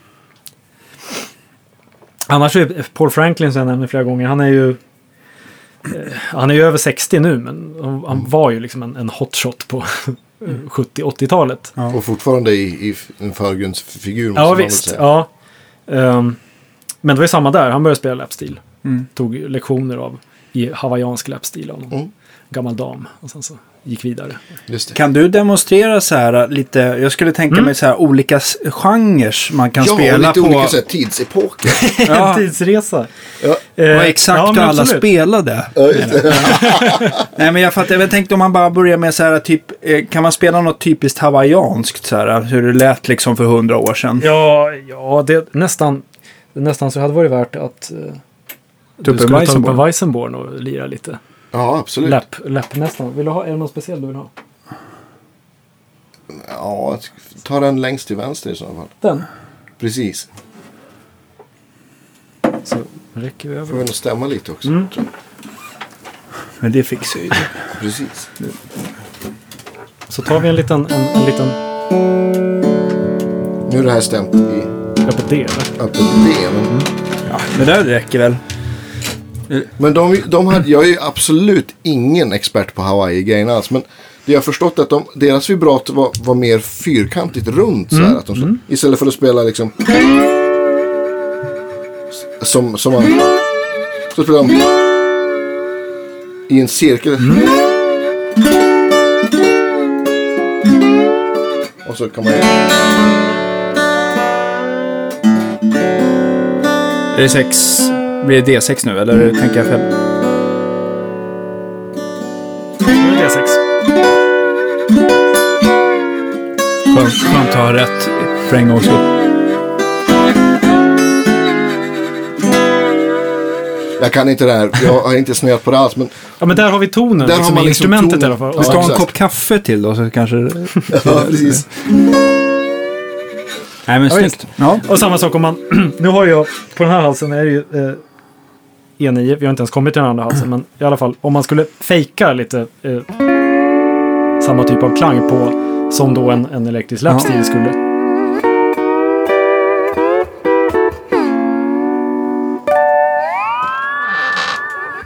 Se, nu kommer Astrid här. Hon kanske gillar. Resten av bullen är din. Okej, tack så hemskt mycket. Schysst väluppfostrat, Ja, eller hur? verkligen. Mitten av bullen också. Ja. tack, tack. Hon vet inte bättre än. Nej, absolut. Det blir en ny leksak idag. Ja, men, och då, Ja, fortsätt. Vi var på lite lapstil sounds. Ja, precis. sådär. Återigen, eh, jag är absolut ingen eh, riktig kännare av det, så det här blir ju en karikatyr Mm. Ja, av den ja. grejen. Ja, men det är samma som Det finns det många fler. Roland Junell till Ja, exempel. precis. Är Ja. ju jättebra på den, den vägen. Och André Hackinson? Ja. Ja, okej. absolut. från Hackwins, eh. Hawkins eh, Hawaii Trio. va? Eller kanske inte, jo den heter Hawaii. Ja, eller, det är nog en Hawaii-orkester numera till och med. Ja. Ja, då borde en Åh. trioken lite större. Men jag kan ha fel. Ehm, Nej, men de, de kan man ju höra av sig till om man vill Ja. verkligen grotta Ja. in sig på Hawaii-biten av det. Googla på Sol Hoppy kan man göra också. Ja, absolut. Eh, men sen då, när det började sättas på pedaler. Så är vi inne på, då har vi de här lite mer primitiva Bad Isaacs-stilen. Då spelar man mycket i kanske ackord. Ja.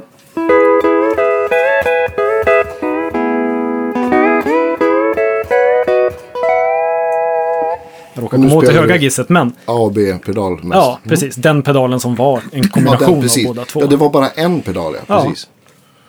Ehm, Vad hette han? Säg hans namn igen. Som- Bud Isaacs. Bud Isaacs. Ja. Han levde också fram till bara något år sedan. Blev långt över 90 tror jag. Mm. Eller närmare 90 kanske i alla fall. Ehm, sen...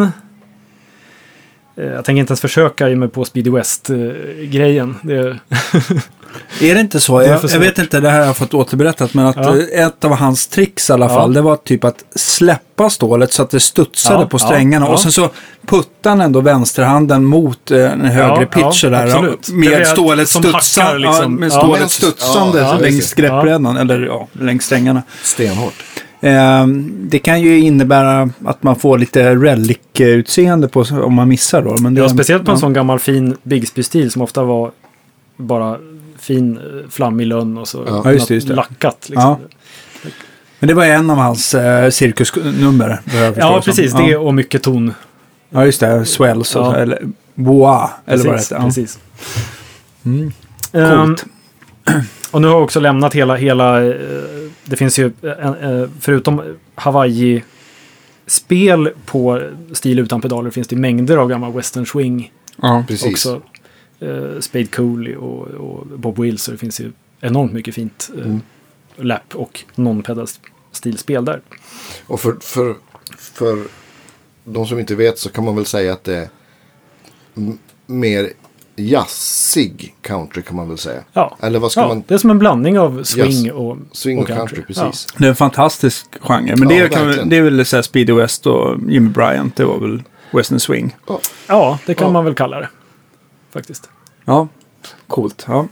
Ehm, jag, jag tänkte också så här, eh, återfinns det, fanns det också så här svarta pedalstil-musiker? Ja, ja, eller visst, för att det- man liksom, det är ingenting som har Nej. liksom, Det är en, också mycket. en hel genre som vi inte har kommit in på än. nej, som kallas. Men, ja, eh, det brukar kallas för Sacred Steel. Den genren. Okej. Precis. Det Som var- jag. Ja, det är en helt annan, helt annan värld. Men ändå med samma instrument, samma teknik. Eh, andra stämningar, men det har sprungit ur samma. Är det svårt? Grund. Är, eh, ska vi lägga det i Spotify-listan eller kan du? Det är svårt att dema, men det, det man kan säga om det är ju lite i alla fall att det, det eh, hade väl sin, sin grund i amerikanska södern i kyrkor där man kanske inte hade råd med En rejäl, orgel. en orgel alla Nej. gånger. Så det är Att man alltså fick leda... praise music, Ja, vad ska man säga precis. på svenska? Eh, Så att det var, det var gospelaktigt? Ja, så man fick substituera med en, med en, en lapstil genom en Ja, starkare. exakt. Och det, det går att imitera orgel ganska väl. Det går att leka Ja. mycket också med om man vill. Så man behöver en lapstil och ett Leslie helt enkelt? Ja, Ja. Det är en så? as, genre utan att stanna vid den så. Men som inte hördes rent alltså publikt förrän kanske f- ja, men, så här 15-20 Mm, år sedan. Och en av de första som, som var ute och spelade var ju Campbell Brothers. Mm, från Rochester i New York-. Det var de första jag hörde. Och du blev helt tagen? Ja, jag blev helt tagen. Jag har snott allt från dem. Nej men. För det, det, i och med att det var, det var liksom. Eller är. Att det, att det är liksom musik som man använder liksom. Under gudstjänster. Så, så var det inget som man åkte ut och spelade med förrän. De, ja, de var den första. Och nu är väl den. Han som är mest känd är väl Robert Randolph. Ja. Han åkte förband till Eric Clapton där någon gång. När det nu kan ha varit. Jag vet inte. Tidigt 2000 någon gång också. Och han är väl kanske den som är, är den mest kända i den världen nu. Ja, och som kanske börjar vara också en av de främsta sådär förgrundsgestalterna för pedalstil överhuvudtaget. Ja, Vad folk upptäcker idag, liksom, när man börjar upptäcka pedalstil och blir nyfiken på det. Så han är en verklig ambassadör för instrumentet överhuvudtaget. ja, ja men verkligen. Eh, Jag tänkte också på, det är ju så himla stort med liksom eh, slide-spel, framförallt i gammal blues och sånt där. Men, men liksom bluesvärlden tog aldrig in liksom pedalstilen eller stilgitarren på det, på det sättet, eller? Jag kan inte, jag, det står helt stilla i min bluesvärld i alla fall. nej. inte vad... Nej. Nej, om ni säger nej, då är det nej. Inte vad man känner till, men det är... Nej. Det, nej. Det finns säkert något undantag. Men det är inte. Jag försöker tänka på någon. Och ni får jättegärna höra av er där ute om ni hittar någonting. Nej, fall. då är det ju mer liksom slide. Det är slide. Ja. Om man tänker, eh, ja men. Som någon crossover, stor favorit. David Lindley liksom. Ja, Mm. precis. Spelar vi liksom. Också en stor förebild för mig. Han spelar ju någon typ av. Ja, men han, han spelar ju med, ja, men med Jackson Brown på 70-talet då. Han spelar ju liksom mer rock, lapstil Ja. får man väl säga liksom. Har liksom gjort någon, någon blandning av liksom. Han, jag tror att han började på stil, pedalstil faktiskt. Eller f- ursprungligen violinist. Nu spårar vi totalt här. Men jag älskar ju eh, fortfarande Mercury Blues Ja, där, ja, som är visst. fantastiskt. Nej, men, eh, s- så han, spel han, på. han är nog den som jag tänker på först. Om man tänker så här. Alltså mer pedal äh, stil gitarr i, i, liksom, i rockigare sammanhang. Mm. Sådär. Och sen kom det ju att, att eh, långt senare, eh, inte så mycket senare än, än, än det, men hela, hela country rock-grejen Ja men precis. också, Mm. så finns det ju en del framstående stödgrupper som hade pedalstil också, som Okej. inte var renlär i det här liksom Nashville country-stilspelet. Utan Ja, just det. eh, att dista på lite grann också. Ja, ja, absolut, och experimentera lite med. Vi har ju eh, Flying Burrito Brothers till exempel Ja, med men Sneaky Pete. Sneaky Pete, ja. ja. Han gick ju verkligen sin egen. Ja, precis. Jag kommer, jag vet inte, jag ser fram emot den här spellistan. Ja, oj. Det är sällan jag ser fram emot en spellista så mycket som idag. Det är kul Ja, att få han, höra alla. han gick ju verkligen som sagt sin, sin, sin egen väg. eh, Och fick väl ett antal följare och sådär också. Det finns många idag som experimenterar med samma, samma typ av grej. Mm. Coolt. Men eh, om, om vi säger så här, om vi hoppar över Speedy West då, Mm. rent genremässigt, vad, vad kan vi hoppa in då någonstans? Här? Ja, men då kommer man väl in på det här att, att kanske börja spela istället för att bara trycka ner och upp den här pedalen och bygga ackord. Så Ja. kommer man in på det här mer att Spela, spela mer aktivt liksom med pedalen.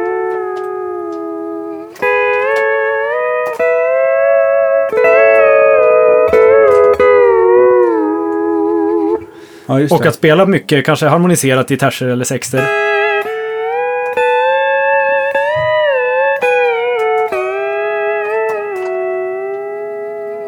Och utnyttja verkligen att det är rörelser som ligger under statiska toner eller över.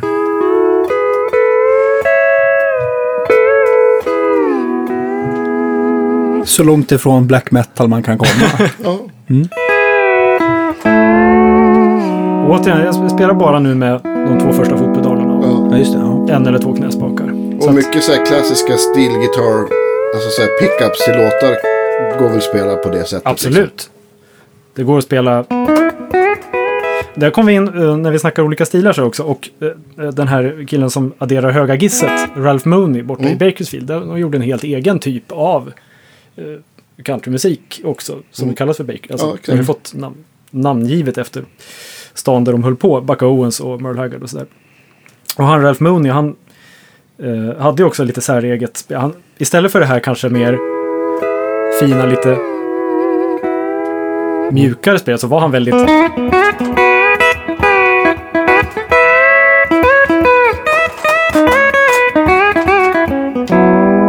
Mycket mer attack och liksom. Ja, Inte Väldigt lika my- mycket swells. och- Nej, och väldigt mycket, väldigt mycket Fender överhuvudtaget. Spela Fender-stilar som också hade... Eh, de satte så här jazzmaster-mickar faktiskt.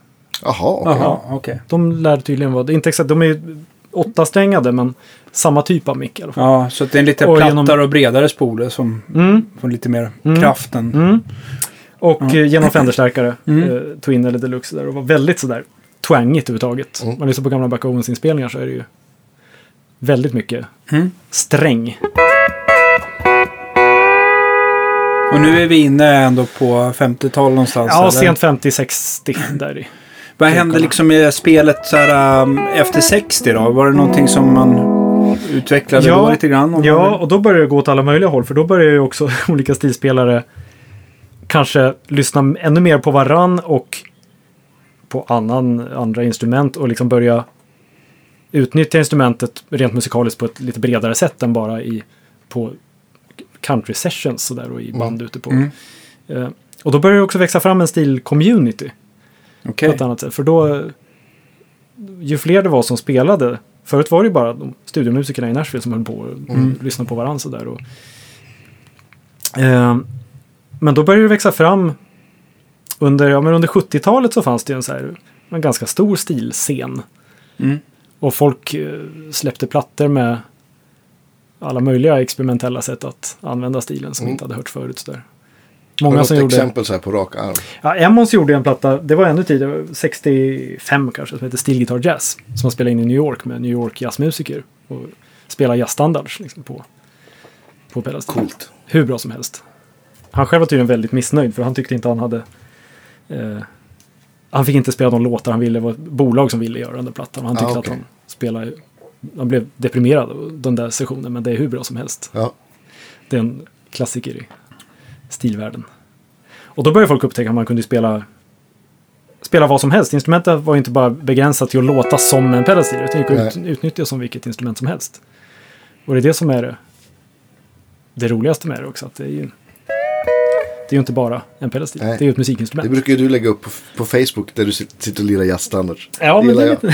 Ja. Kan, kan du dem demonstrera någonting eh, lite jazzigare sådär så att man Mm. inte liksom direkt börjar tänka på att eh, det blir country? Mm. Ja, precis. Eh, Då kan vi nästan eh, byta hals. Ja. Nu har inte jag eh, det- det som det brukar vara. Eh, det här var ju E9 på den Ja. övre halsen. Ja. Det brukar vara ett C6. Eh, en rejält eh, utbyggd version av Lapsteel C6-stämningen. På den nedre halsen. Okej, okej. Mm. Den här har jag hållit på att byta fram och tillbaka och experimenterat med en massa olika stämningar på. Och just nu så sitter det en...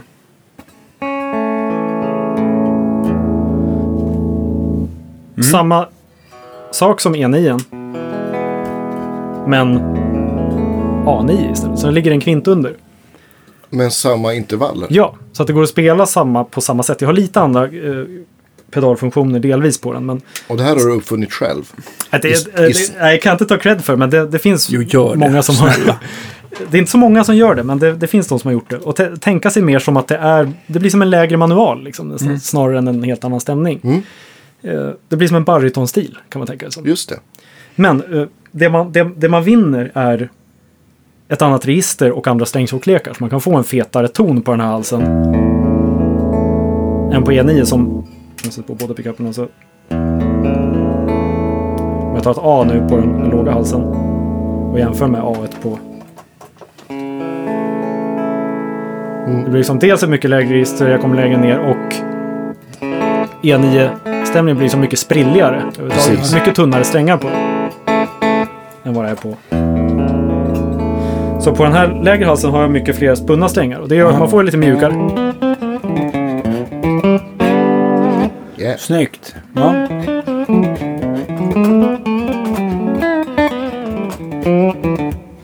och kan fejka med C6 också.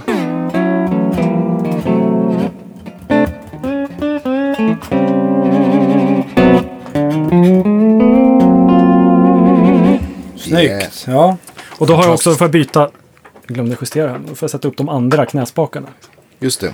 Man växlar liksom alltid, om man spelar på en sån här dubbelhals så får man växla läge med hur man sitter också. ja, just det. Just det.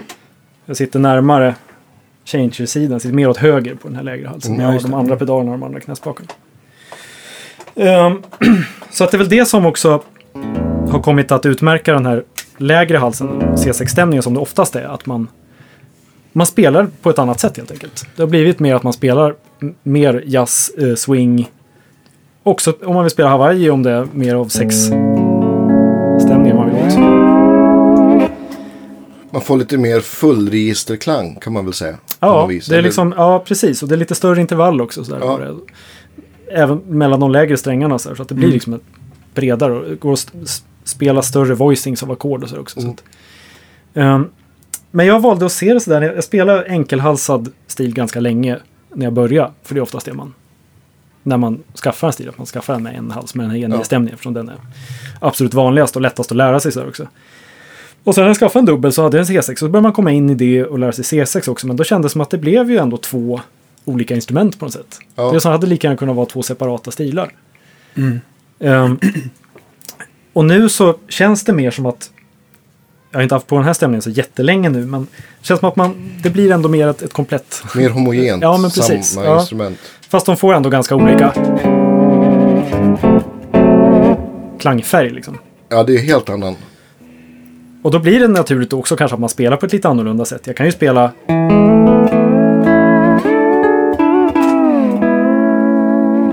samma E9 fraser på den här lägre halsen. Men i och med att den får mera den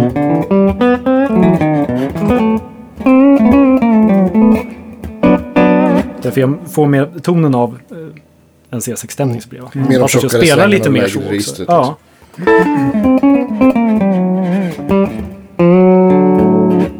Hur är vad, pedalsetupen på den där då? Är det, är det likadant då? Eller? Mm. Fotpedalerna är faktiskt exakt samma. Jag har...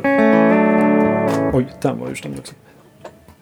Det där kan vi också snacka om stämning överhuvudtaget. Eh, Ja. eh, ja, det måste vi. Ja. För det, i och med att man kan bygga så många ackord och man kan spela i så många tonarter öppet så måste man temperera om liksom så mycket. Det som är tersen i ett ackord blir liksom, om man vill att den ska stämma fint så blir den alldeles för låg i en annan. I ett annat ackord, så det där är en hel vetenskap också. Men fotpedalen är samma. Och Franklin på fjärde eller? Nej, där Aha. sänker jag ja. den lägsta sängen. Ner i, i brunnen liksom. Ja, så jag kan utifrån då öppna stämningen kan jag få tersen i basen om jag vill. Så ett lågt sis. Ja, eller om jag tänker utifrån att det blir om jag spelar grundton i 6-7 ackord. Liksom. Är, rent eh, tekniskt med strängarna där, är det vanliga liksom elgitarrsträngar man använder då? Eh, Eh, ja, I princip. det är det eller? faktiskt. Ja. Det är nickel, lin, alltså det är antingen plain stålsträngar för Ja, de tunna ja, och precis. om det är lindat så är det väl någon nickel eh, eh, plated steel eller någonting. Mm, antingen så kör man stainless eller så, så kör man nickel. Ja. Eh, Och du kör aldrig flatspunnet Ja, eller? jag har kört sådana här se- semi-wound, semi-flat wound.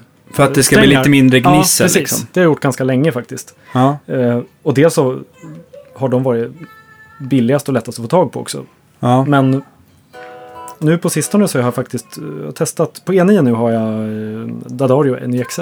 ja. Mm. Som har gjort ett, ett stilset också. Två olika stilset. eh, Okej. Med lite olika tjocklekar. Hur upplever du NYXL på, till en stil Jag vill in, inbilla mig att de faktiskt nu, nu har den här stämt om sig lite. Det gör det också i, när man Ja. växlar så här. Miljö, här inne Ja, är ganska ja, varmt. just- och ja, utifrån så här, så att då får man vara lite vaksam på stämningen. Men de håller stämningen generellt bättre tycker jag. För det är, det är mycket, det blir som att ha en, en, en gitarr med tio stycken svaj på som man ska försöka stämma Mm. och hålla stämningen. Ja, det är mycket. Och, Eh, Ja. Jag tycker att den, de, De är stabila ja, liksom. och de känns lite styvare. Och det, det är väl lite så du känner också på Ja, elgitarrerna som kör mycket NYXL. Mm. Jag tycker däremot att de, eh, nu när jag har strängat om så himla mycket på verkstaden med Mm. NYXL, att de har lite, det är lite mindre diskant i bassträngarna sådär. ja, Att men de, det kan det nog vara lite, lite mindre faktiskt. Ja, jag vet att någon har tyckt tvärtom, men nu tycker jag att jag har provat så himla mycket fram och tillbaka och vill nästan fastställa att, eh, fastställa att det, de är pyttelite rundare. Ja, men det är de. Jag f- Ja. tipsade Bjurhäll om dem. Ja, Vår vän Lars Bjurhäll. Och han, eh, tyckte, bytte direkt tillbaka till vanliga. Ja, Vanliga Dadarus tyckte att de, för de, han saknade, saknade diskanten ja. på bassträngarna. Skönt. Jag, jag har svårt att, att, att göra något bra uttalande när jag kommer direkt från de här semiflatman-strängarna. Men det jag upplever är att de är rätt mycket mer. Gnissel i Ja. dem? Jaha. Men då framförallt jämfört med. Ja, men semiflatt. Ja. då är ju de Ja. ju så pressade så att den får ju mindre... Ja, men jag tycker ändå jämfört med vanliga nickel. Det finns lite Kanske mer och det upplever jag som lite hårdare. sådär extra topp. Liksom. Och jag Ja. tycker ändå att det känns som att de är ganska sådär glittriga liksom, Ja. i toppen också. Så jag upplever inte på de här strängsätten i alla fall. Nej, de har- okej. Men annars kan vi ju säga om, om folk vill verkligen höra skillnad på, på det här med, med eh, Ja, olika strängar. strängar så kan man ju gå tillbaka till det här Magnus Olsson-avsnittet vi gjorde. Ja, exakt. Där pratar... Jag jämför i och för sig bara Diadario-strängar, men det är, de är ju trevliga. Så att Ja, folk vill höra lite mer. jättemysigt. Kan inte du alltid vara med och spela i bakgrunden när vi pratar? Ska, jag, då ska jag sluta prata och börja lyssna istället. Ja, en Oh, lyss. yeah. Det var ett hårigt Nice. Men nu gjorde du någon typ av tilt också va? Eller? Nej, Nej. det var bara en liten. Men det har ju exempel på vad en sån här split som sagt, man kan få en, en stämma, en, som det är nu till exempel, en heltons eh, höjning och en halvtonssänkning och få dem att stämma ihop. Ah.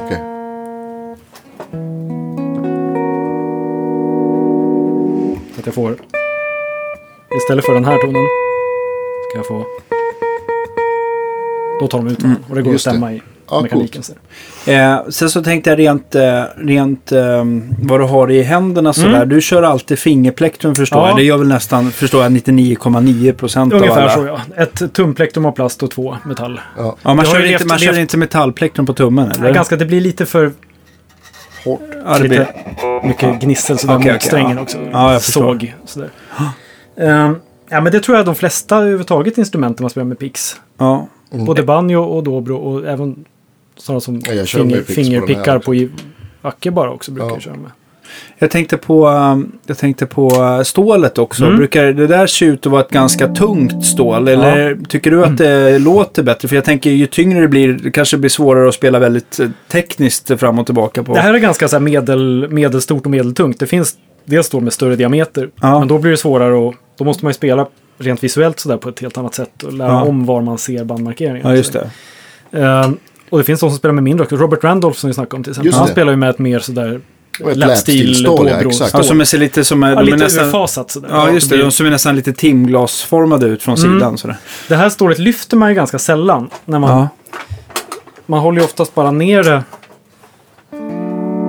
Och glider längs. Det är ganska sällan man behöver göra någon form av ja, hammer-ons och pull-offs. För det är helt rund nos på det också. Sådär, så att, eh, Randolph spelar ju mer åt lapstil-hållet. Han utnyttjar, Exakt. det är mer som att han, han utnyttjar instrumentet som både en lapstil och en pedalstil. Precis. Och då vill man ha ett, ett stål som är lättare att lyfta helt Ja, enkelt. då kan man utnyttja och spela öppna strängar på ett helt annat sätt också. Hmm. För då så får du också en, en, en skarpare ände på det fram som man kan använda för att...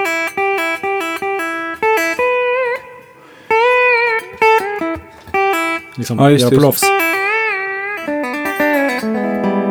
Är det också en så här äh, lapstil-grej att man också att man hjälper till med fingrarna och bänder tonen äh, bakom stålet eller att man trycker ner stålet extra långt för att öka i pitchen eller Alltså man, kanske inte gör så, det är bara jag som får Jo, för bända mig. bakom. Bända kan man bakom, det kan man göra om man inte har pedaler att tillgå. Ja, just det, just det. Mm. Och då blir det... Pedalstilen har ju också, den har väldigt mycket trängre mellan strängarna. Mycket mindre Ja, just det. string spacing än en lapstil eller så. Det blir svårare att komma åt då på pedalstil, men det skulle gå om man ville. ja, just Som just på en lapstil. På den här funkar det ju bra liksom. Mm. Då är det ju bara... ja, bara säger jag.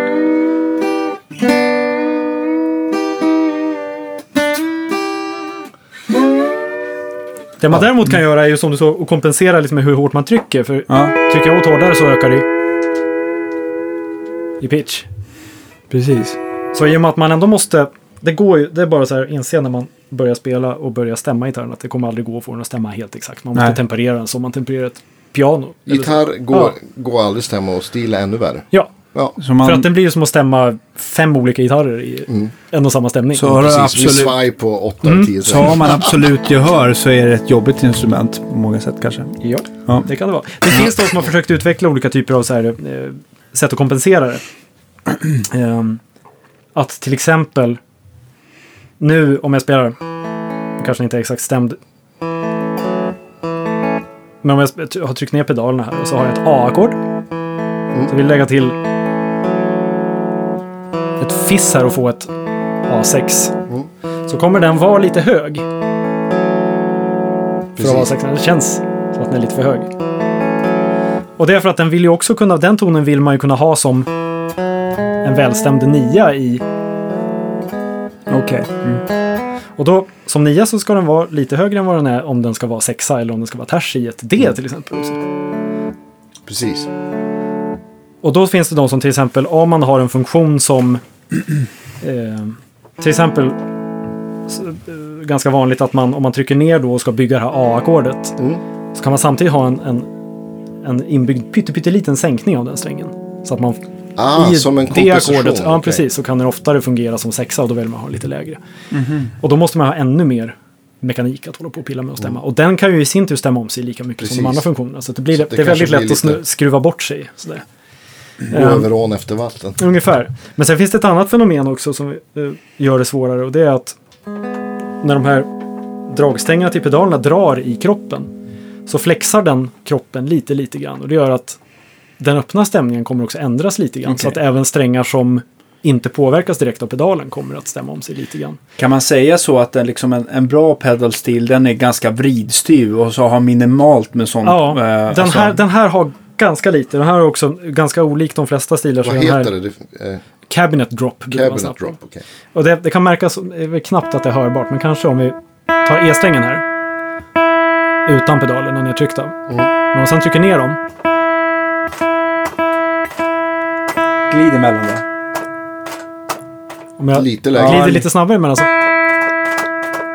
Det är några cent. Det kanske Ja, är några 3-4 cent. Ja, men det, det händer i alla fall. Ja. Och det kan vara olika, eh, olika illa på olika stilar. Ja. Och det måste man också kompensera för då på olika sätt. För då. Ja.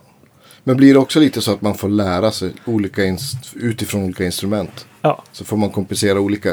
Är det kanske därför också det finns så många olika sådana liksom sweetened tunings? ja, men precis. Det finns ju alla möjliga Ja, varianter. Det, det är väl vanligast i alla fall att man kanske i det här öppna ackordet utgår från att de toner som ska vara tersen i det här ackordet, de får man sänka ner lite grann så att de blir... Och sen i det här ackordet man trycker ner pedalerna, att den tersen där blir också lite sweetare. För de är kanske de viktigaste. Sådär. för det är de man använder mest. Ja, Ja. men eh, å andra sidan så om man sen trycker ner bara A-pedalen här och får det öppna cis-mollet här. Precis, det där ackordet stämmer ju aldrig. Det Men, men om, om du spelar det här ackordet med, med stålet kanske du kan parera visst, det lite. Beroende Precis. på om jag har den tonen på toppen kan man ha det lite vinklat eller man kanske lägger lite tryck. Det Lite känns ofta som att det kommer... suddar väl ut det mesta. Ja, absolut.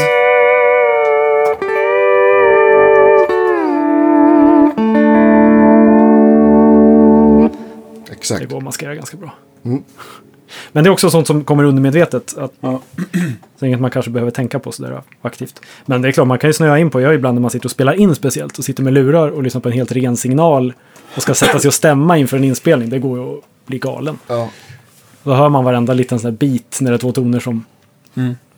slår emot varandra. Och om man ska spela, om det är mycket keyboards brukar Mm. det också vara. Mm. Annat än om det är en gitarrbaserad produktion. Ja. Har jag upplevt. Att det är känsligare. Ja. Man får acceptera att man är galen helt enkelt. Ja, exakt. Men, men det kan man väl kan man sammanfatta det som att om man sänker terserna lite så är man, Då är man nästan hemma. då är man nästan Ja, hemma. Gör, du- har du något, någon till sån grej som du gör? Som, Med stämningen? Ja, Eh, ja, det, det jag brukar göra om man har ont om tid sådär och måste stämma hyfsat sådär kanske på en bullig scen eller någonting. Att jag brukar köra en Peterson-stämmare, faktiskt den här stämappen. Mm. Eh, och koppla in i den. telefonen. Ja. Mm, Eh, där kan man köpa som en sån här lite sweetener-pack. just det. Och de funkar helt okej faktiskt. De offsetsen för finns för E9 och C6-pedalstil. Och där kan man göra egna också va? Ja, Till ja. Så att det, det, brukar man, det brukar funka helt okej. Mm. Bäst är om man kan sätta sig i- i lugn och ro och bara stämma upp den helt eh, till tracket och eh, efter öra. Sådär. Man spelar in. Ja, det är inte alltid man har den tiden. Liksom. Nej, Plus att det här att det är ganska väderkänsligt också så att om jag kommer från eh, utifrån och ska upp på en scen och ha fem minuter linecheck eller någonting. Då, som Då senast vi spelade till exempel. ungefär. Men då får man, det vet man med sig liksom, att det, det Ja. får man parera. Eh, Men det handlar ju också om ganska små hårfina skillnader. Det är ju inte alltid det är inte en katastrof att det stämmer om sig jättemycket. Då är det något fel oftast på mekaniken om det verkligen är galet mycket. Jag antar att det här är inte din enda eh, pedalstil du äger. Men eh, Faktiskt den här... för tillfället så är det. Är det så? Okej. Och det är MSA. Berätta lite om MSA Mm. som märke där. Är det amerikanskt förstår jag? Ja, byggs i Texas. Ja. Eh, startades på 60-talet. av en som heter Maurice Anderson. Det är M och A. Vad S kommer ifrån är jag inte helt säker på om det är någon, någon partner i företaget Okej, eller om det är ett mellannamn. Det vet jag inte. Okej, okej. Men de, var- de var, i, kan man säga, först nästan att, att göra verkligen storskalig produktion. Showbud var ju bland de första att ha en fabrik och bygga åt. Ja. Liksom så här serietillverkat. Men MSA gjorde verkligen industri av det. Okej, det är lite 60 Ford. 70-talet. eh, Ja, det blev lite så. De Mm. blev enormt stora. Ehm, men de gick i konkurs någon gång på 80-talet. Men sen så återkom de eh, på tidigt 2000-tal och hade helt i, sådär, i, i lönndom eh, utvecklat eh, mekanik och sådär helt Ja, okej. för det nya årtusendet. Så att det här är en stil från 2005 tror jag den är. Okej, Köpte vad- den begagnad från en kille i England. Vad betingar en sån där ny? De här var svindyra när de kom. Eh, och kostade väl en 6-7 tusen dollar tror jag. Ja. För en i grundutförande. Den här har lite extra knäppedal och sådär. Men jag köpte den här för kanske 30. Ja. Beggad. Och det var ändå ett fynd. ja. Ehm, men det är också det är lite här nackdel med med instrumentet överhuvudtaget att förutom att det är svårt att få tag i så är det ju ofta ganska dyrt. Mm. Och när man väl hittar ett objekt så för om man inte då får tag i en, en sån här gammal AVH. Ja. De går ju att hitta över, ganska överkomligt i alla fall. Absolut. Men, Men- fi- finns det någon så här pedalstils eh, Rolex där, som är... Det finns ett gäng. Eh, Mm. En sån här gammal Bigsby till exempel, som Ja. den första som Speedy West och, och Ja. Spelar på. De, när de har funnits till salu så har de betingat ganska stora summor. Det är samlare som köper. Ja, ja, precis. Ja, Men det är precis. inte, det är inte för Men att det är... funktionsmässigt. Om man tittar bara liksom Mm. så här... Då ligger nog MSA nu faktiskt, de har dessutom, eh, ja, den här är ju 12 år gammal nu då, så att de har utvecklat det här ännu längre. Ja. Eh, Den har lite så här smarta funktioner som, som, eh, som gör det lättare att, att leva med den. att man kan ställa in eh, lägena på knäspakar och pedaler så där ganska enkelt från där man sitter. Man behöver inte vända på den och mecka så mycket. Det är mycket Nej. som är justerbart så där direkt. Mm. Och det här med att den går att byta pickuper bara genom att ja, just det. ut Det var två ju bara stift så här... som- Det var ju som att skjuta in en kassett under Ja, slängarna. ungefär. lite som eh, Lundgren har väl någon här testgitarr Ja, just det, precis. ja. på någon mässa. Så. Eh, Just det. Och vår vän Magnus Olsson också. Ja, exakt. Mm. Med Dimension. Så att det här är, ju- det är en Space Age-stil på många sätt. Det, här. Mm. Vad har du för mickar på den här? Det sitter en Bill Lawrence nu på E9-stämningen. Och det är en, en handbacker-mick. Nu är den här, den låter ganska... I stärken vi spelar också, den blir ganska bright. Och låter ganska, Modernt. ja, eh, som den gör nu. Men den har, den har... eh, eh, den kan låta väldigt sådär tjockt och, och varmt också. Sådär. Mm. Mer än vad till exempel den som jag har på den andra halsen som är en single coil mick. Nu låter ju den i sig den stämningen lite varmare och tjockare så att det är svårt att avgöra någon skillnad. Men den här stämningen på den här halsen med en humbucker mick den blir nästan lite för. Fläskig. Ja, precis. Det blir lite dålig separation sen. Mm. Det tycker jag på, på om man har en baritonelgitarr också tycker jag att det låter roligare med single coils. Mm. Ja, Det är mest- eller i mitt smak det alltid låter roligare med single coils. Ja. Nej, Det som blir väldigt påtagligt när man, när man spelar in stilen med ett single coil brum om man skulle ha oturen att hamna i en sån lokal. Så det är att det blir väldigt påtagligt när man jobbar mycket med volympedalen. ja, just det. Jaha, okej. Att det blir sånt där mm, kommer och går ett, Just det. Mm. ett jobbigt brum som bara blir starkare och starkare. Speciellt när man jobbar sådär med att sustainen ska... Just hade det här varit en single coil mix så hade nu brummet kommit och tagit över nästan. Mm. När, sign- när signalen börjar bli svagare och ut. Om man sitter vid en datorskärm kan ju sånt Mm. bli väldigt påtagligt. Men den här är ganska, den är hyfsat bright som den är den här pickupen också. Det har blivit lite av en favorit sådär i studiosammanhang också. Okej. Sen har väl också George L-kabel varit en sån standard för Mm. stilspelare också. Ja, precis. Det har jag två stycken nu. Väldigt sådär rena, Mm. låg kapacitans. Mm. Eh, med nackdelen att de är ju som de är när de är lödningsfria. De kan Ja, ju alltså de, de, eh, jag kan ju säga som så att det går ju att ta kabeln och sätta en vanlig switchcraft eller Neutrik-kontakt så Mm. håller det också. det skulle man ju orka göra. ja, Alternativt superlimma fast den här lilla svarta pluppen Okej. ovanpå. Det har jag gjort. All right. Då f- går de inte att skruva upp. ja, då gängar de bättre. Sen så finns det ju faktiskt ännu mera eh, kablar om man vill djupdyka på Elfa någon gång. Mhm. Så kan man ju köpa Mini RG62. Då får man nog det som bromsar minst Okej. i test. Jag vet att Supra gör någon kabel också, men de, de är betydligt brightare. Nu tror inte jag att det gör så extremt stor skillnad på kanske en meter, men har du, har du några meter så. Ja, Men sen, du har Ja. också en, en volympedal som är aktiv. Mm. Och, det, och det är väl också kanske då för att inte få någon tonal skillnad beroende Ja. på var du är. Precis. Och det kan ju vara det kan ju vara en fördel ibland att ha en, en passiv. Om det är en väldigt sådär vass och bright Mm. stil så kan den Mm. bli lite uppmjukad av en, mm. Av en puttpedal. Mm. Men den här... ehm, ja, den blir inte överdrivet vass. eh, så att den... Även om man... Ja, det är om man tar... Ibland så kan det sticka iväg så lite i diskanten. Men, eh, jag trivs bra med den här. ja. Vad, vad Hilton. Hilton, ja. Mm. Och en... eh, Ja, det är en standard. Det finns lite olika höjder. Men det här är en standard höjd och den är ganska låg ändå. Så den passar liksom bra när man sitter. Annars kan den så här gitarrbaserad liksom ståpedal kan bli lite, Lite sådär. hög, ja, exakt. lite, lite eh, stor vinkel för foten. Att Mm. Det kan bli tröttsamt att sitta med den i konstig vinkel med foten. Precis, men de, de, blir, de är aktiva blir lite dyrare. Det är mer saker som ska i dem helt enkelt. Ja, Så att de fördelen där- är ju att man slipper den här scratchande volymputten som kan Mm. helt plötsligt Ja, ge med sig och börja. Precis, kolbanan som får smuts eller slits. Mm. Ja. Det tror jag nu, det var ett större problem förut. Jag tror det finns bättre puttar.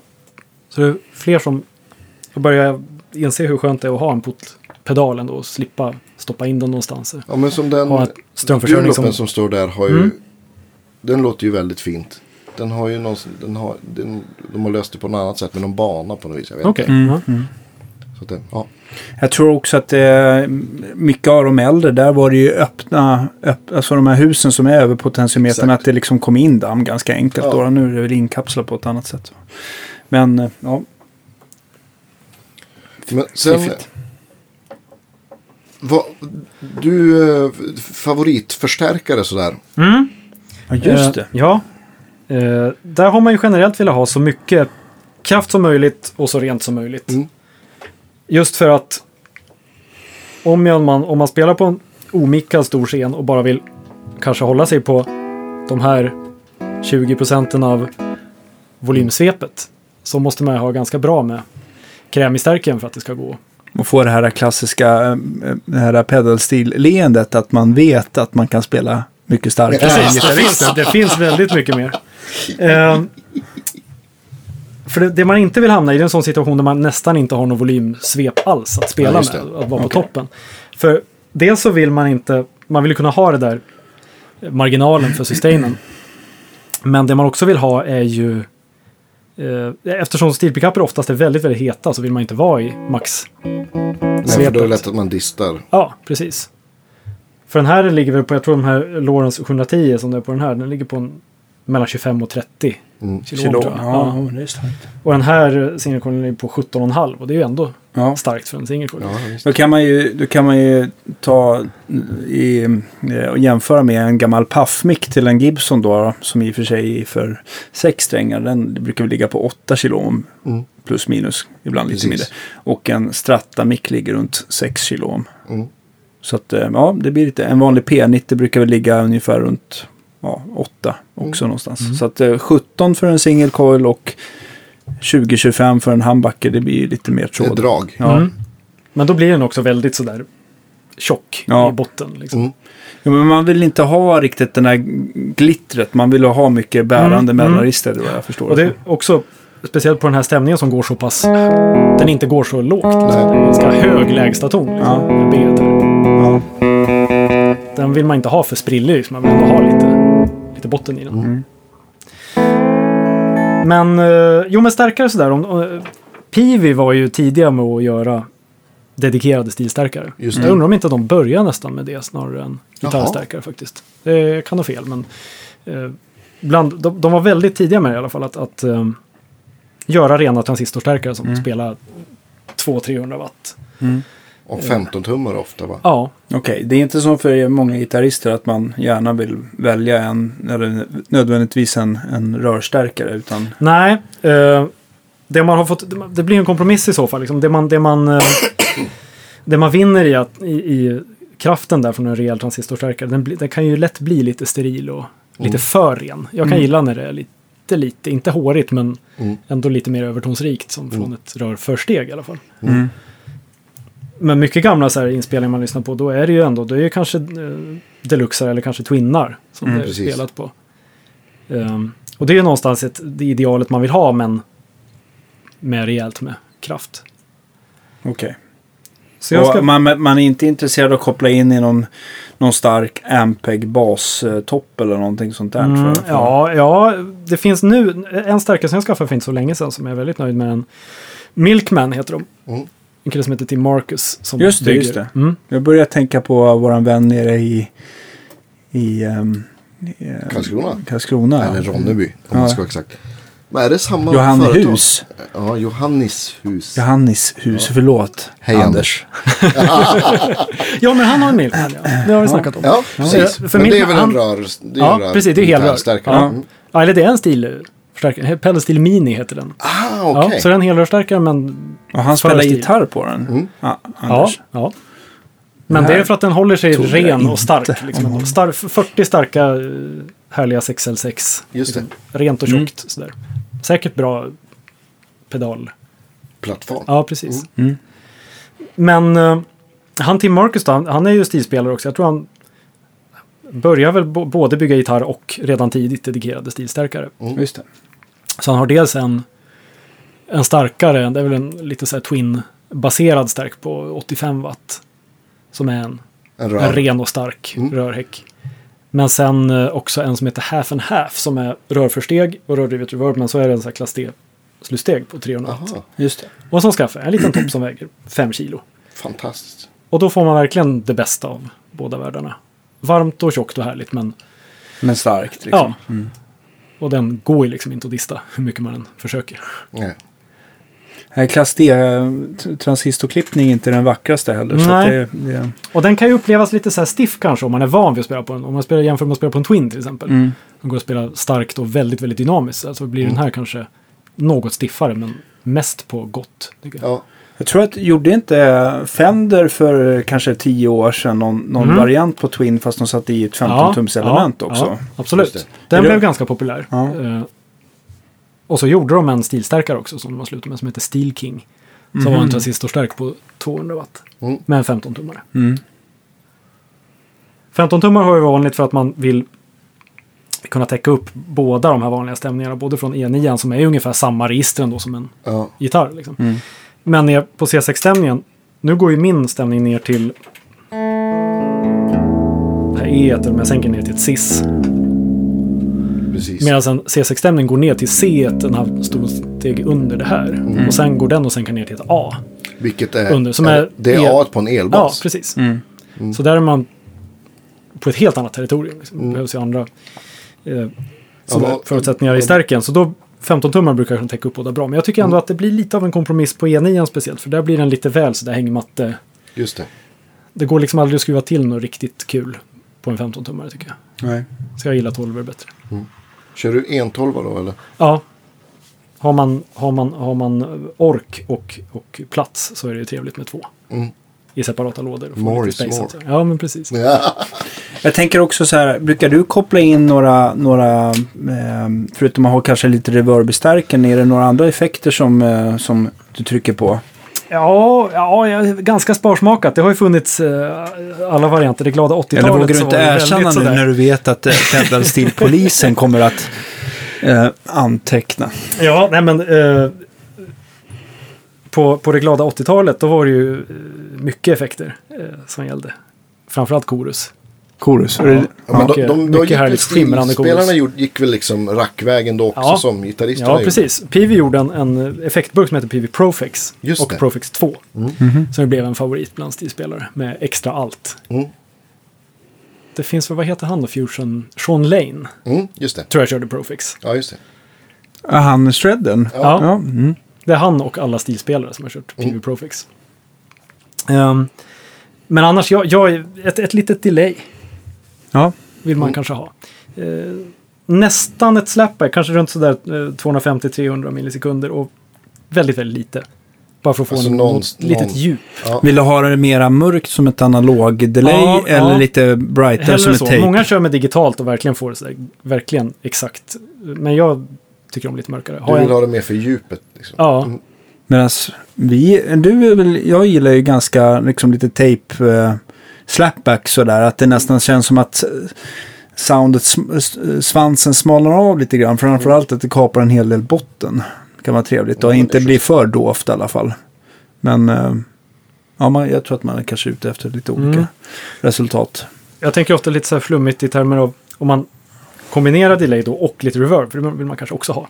Mm. Men att det inte liksom smetas ut så mycket. Det finns väldigt många som dränker ett, ett stort upp, eh, så här, mixat långt delay Mm. och ett enormt simmande reverb. Då blir det så här lite, eh, lite svårt kanske. Och, speciellt i en live-mix att överhuvudtaget Mm. höras. Men Ja. det kan ju kännas väldigt stort och skönt kanske att spela med sådär när man sitter ensam. Men att tänka sig, jag brukar tänka på ett, ett litet, litet delay för att få lite liksom djup. Och sen Ja. tänka reverbet i en annan dimension, att det blir lite snarare bredden på något sätt. Ja, visst. Ja, visst. Så att man får två olika dimensioner, att det inte bara simmas ihop. Utan att det... Mm. Och då kan det, reverbet gärna kanske vara lite brightare. Mm. Eller tvärtom. Att man, men så att, det inte, att de inte bara krockar liksom. Att Ja, det just inte det. bara blir simmigt. Okej. Men några, men några, det finns liksom inte folk som, eh, som eh, eh, gärna distar sina sound eller med att det är fusspedaler och eh, dylikt. i Jo, men kedjan. nyss nämnda Robert Randolph till exempel. Ja. Han spelar ju väldigt, eh, dels väldigt mycket eh, överstyrt, men Ja. eh, det är ganska friskt med effekter också Ja, ja, hans det, pedalbord. är, det är Chorus och Ja, ja. Leslie och allt möjligt. Han, han, han, det blir soundmässigt är ju han närmare elgitarren kan man väl säga. På något Ja, vis. ja, alltså, i ja, alla det fall går, han det går att, dist. ja, absolut. Mycket att hålla reda på. Åtta pedaler plus knägrejer och ett stort pedalbord. Mycket att bära Ja. framförallt. Vad sa du? mycket att bära. Den blir Ja. stark. Jämvikt med. För honom tror jag att det är lugnt. Han har någon, någon Jag som tror är... han har cartage. Ja. Coolt. Ja, är det något annat som man liksom har eh, glömt att... Nej, men på, på effekter, det, det kan man ju också stanna Facer var ju populärt ja, på precis. Jag 70-talet, tänkte precis nämna. Buddy Emmons. Eh, har gjort fantastiska inspelningar med Danny Gatton. Mm. Eh, Redneck Jazz Yes. Explosion. Precis. Som dessvärre, de har tagits bort från Spotify. De finns inte kvar. Det fanns två volymer liveplattor förut. Som har försvunnit. Och inte på Apple Music eller någonstans. Man får väl leta på tuben kanske. Men det är eh, superbra liveplattor med lite så här eh, jazz, country, fusion, blues. Mm. Med Danny Gatton och Buddy Emmons. Det Och då kör han ganska, ganska friskt med eh, Facer faktiskt. Ja. Lite ballton. Ja men mycket man tänker ja, så här 70-tals country. Det var ju i och för sig Facer på allt. Ja. På hela 70-talet. I Då alla fanns det i många- i många- Slutmixen. I Ja. många PV-stärkare var det ju inbyggd Facer också. Ja. Jag älskar Facer. Ja. Det var Ehm, väldigt fint. Ja, men det kan man inte få nog av. Det har ju vi säkert använt på några inspelningar. vi Def, det har vi Ja. definitivt gjort. Ehm, men också Sneaky Pete höll på med väldigt mycket effekter. Nu. Och uh, Leslie nämnde vi förut. Det är kul att använda någon form av, kanske inte stort Leslie, men någon form av så här rotary simulator kan vara väldigt trevligt och mer spela mer som en organist. Ja, just det. Det kan vara väldigt kul. Det är också folk som, Curly Shoker finns det en fantastisk stilspelare som eh, framförallt på sina soloplattor har spelat väldigt organistiskt. Ja, jag tänkte så här, någon som, eh, det här är absolut eh, super basic spelat. Men jag börjar tänka på det här som att låta som en organist. Jag tänkte på, gjorde inte Jimmy Vaughan och Stevie någon, någon, någon platta tillsammans som heter Brothers eller Family någonting, Style. Family Style. Mm. Där de kör någon, där de kör någon låt där han liksom lägger bara sådana här skitdova stil eh, ackord med typ någon Med Leslie. med. Leslie. Ja, men exakt. Det nästan Vad låter mer den som orgel. Exakt. Ja, jag kommer inte på. Men eh, vi, eh, vi, lägger får den vi lägger, in, Ja. lägger in den på listan. Så Mm. det är bara att lyssna. Men, det, ja, men sen, vad heter han? Jag är ju så dålig på namn. Som spelar i eh, eh, Brian Blades Fellowship. Just det, Dave York. Easley. Precis. Ja. Det är också en helt annan bag. Precis, det är ju någonting helt annat också. Det är verkligen modern hip New York jazz. Men Ja. på en stil. Eh, han spelar mest C6 tror jag. Faktiskt. Mm. På en gammal Emmons-stil. Mm. Och det var inte ens nämnt. Emmons som kommer upp hela tiden. Han designar ju en helt egen stil. Mekanik också en egen stil. Modell. Och startat, eller han startade inte ett företag men han startade ett eh, företag ihop med ett par killar som startade Emmons Guitar Company som byggde stilar under namnet Emmons då. Som har det. levt kvar också. Som är Ja. bland de största och bästa sådär som Mm. har gjorts. Du pratade om någon schweizisk. Ja, precis. Eh, det finns ju över hela världen finns det ju stilbyggare nu som håller på Örebro tar det hela vidare. väl? Finns inte, vad heter han i Örebro? Jag vet inte om han bygger egna. stil. Eh, ja, man har byggt någon, eh, Janne Lander. Ja, precis. Ja, jag tror han har lagt av med att bygga sådär, men han har ju gjort mycket. Förlåt, jag var. Eh, ja, men Peter Schilt finns en kille i Schweiz som gör fantastiska sådär urverksprecision Mm. instrument nästan. I sann schweizisk anda. Och jag hade tagit en japansk stil, märket Jaha. Excel. Ja, men Det var en liten keyless, jag tror jag hade den. Ja, den också. Ja, lättviktskillen. Mm. som vägde 14 kilo i case eller någonting. Mm.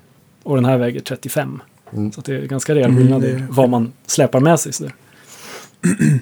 Eh, men den har jag inte kvar, tyvärr. Eh, men det finns, uh, fastän det var, ja, det känns ju som att det instrumentet skulle ha, var i någon sorts nedgång sådär. Om man tittar på hur mycket det hörs i musik. Mm. Kanske frams, framförallt i USA på liksom topp 40-musik så där, jämfört med för kanske 10-15 år sedan. Men Ja, det det, det, lever, det lever i andra genrer och andra delar av världen. Ja, men visst. man. Det är inte jättemycket pedalstil i, i moderna countrymusiken. tyvärr. Nej, nej. Eller tyvärr och Vi får tyvärr. hoppas att det kommer tillbaka. Männen har ju börjat dyka upp i andra sammanhang. Exakt. Inte minst här finns det ju Ja, exakt. lite här och var. Oh ja. Men, men eh, för folk som blir väldigt sugna efter det här programmet att, att eh, nu måste jag köpa Mm. en sån här pedalstil. Är det någonting, är det, är det en riktig gambling om man köper på Ebay en, en eh, eller vad, Det- vad finns det för lätta fällor att gå det, det kan det vara. Mekanik kan ju vara ganska svårmeckad om den har.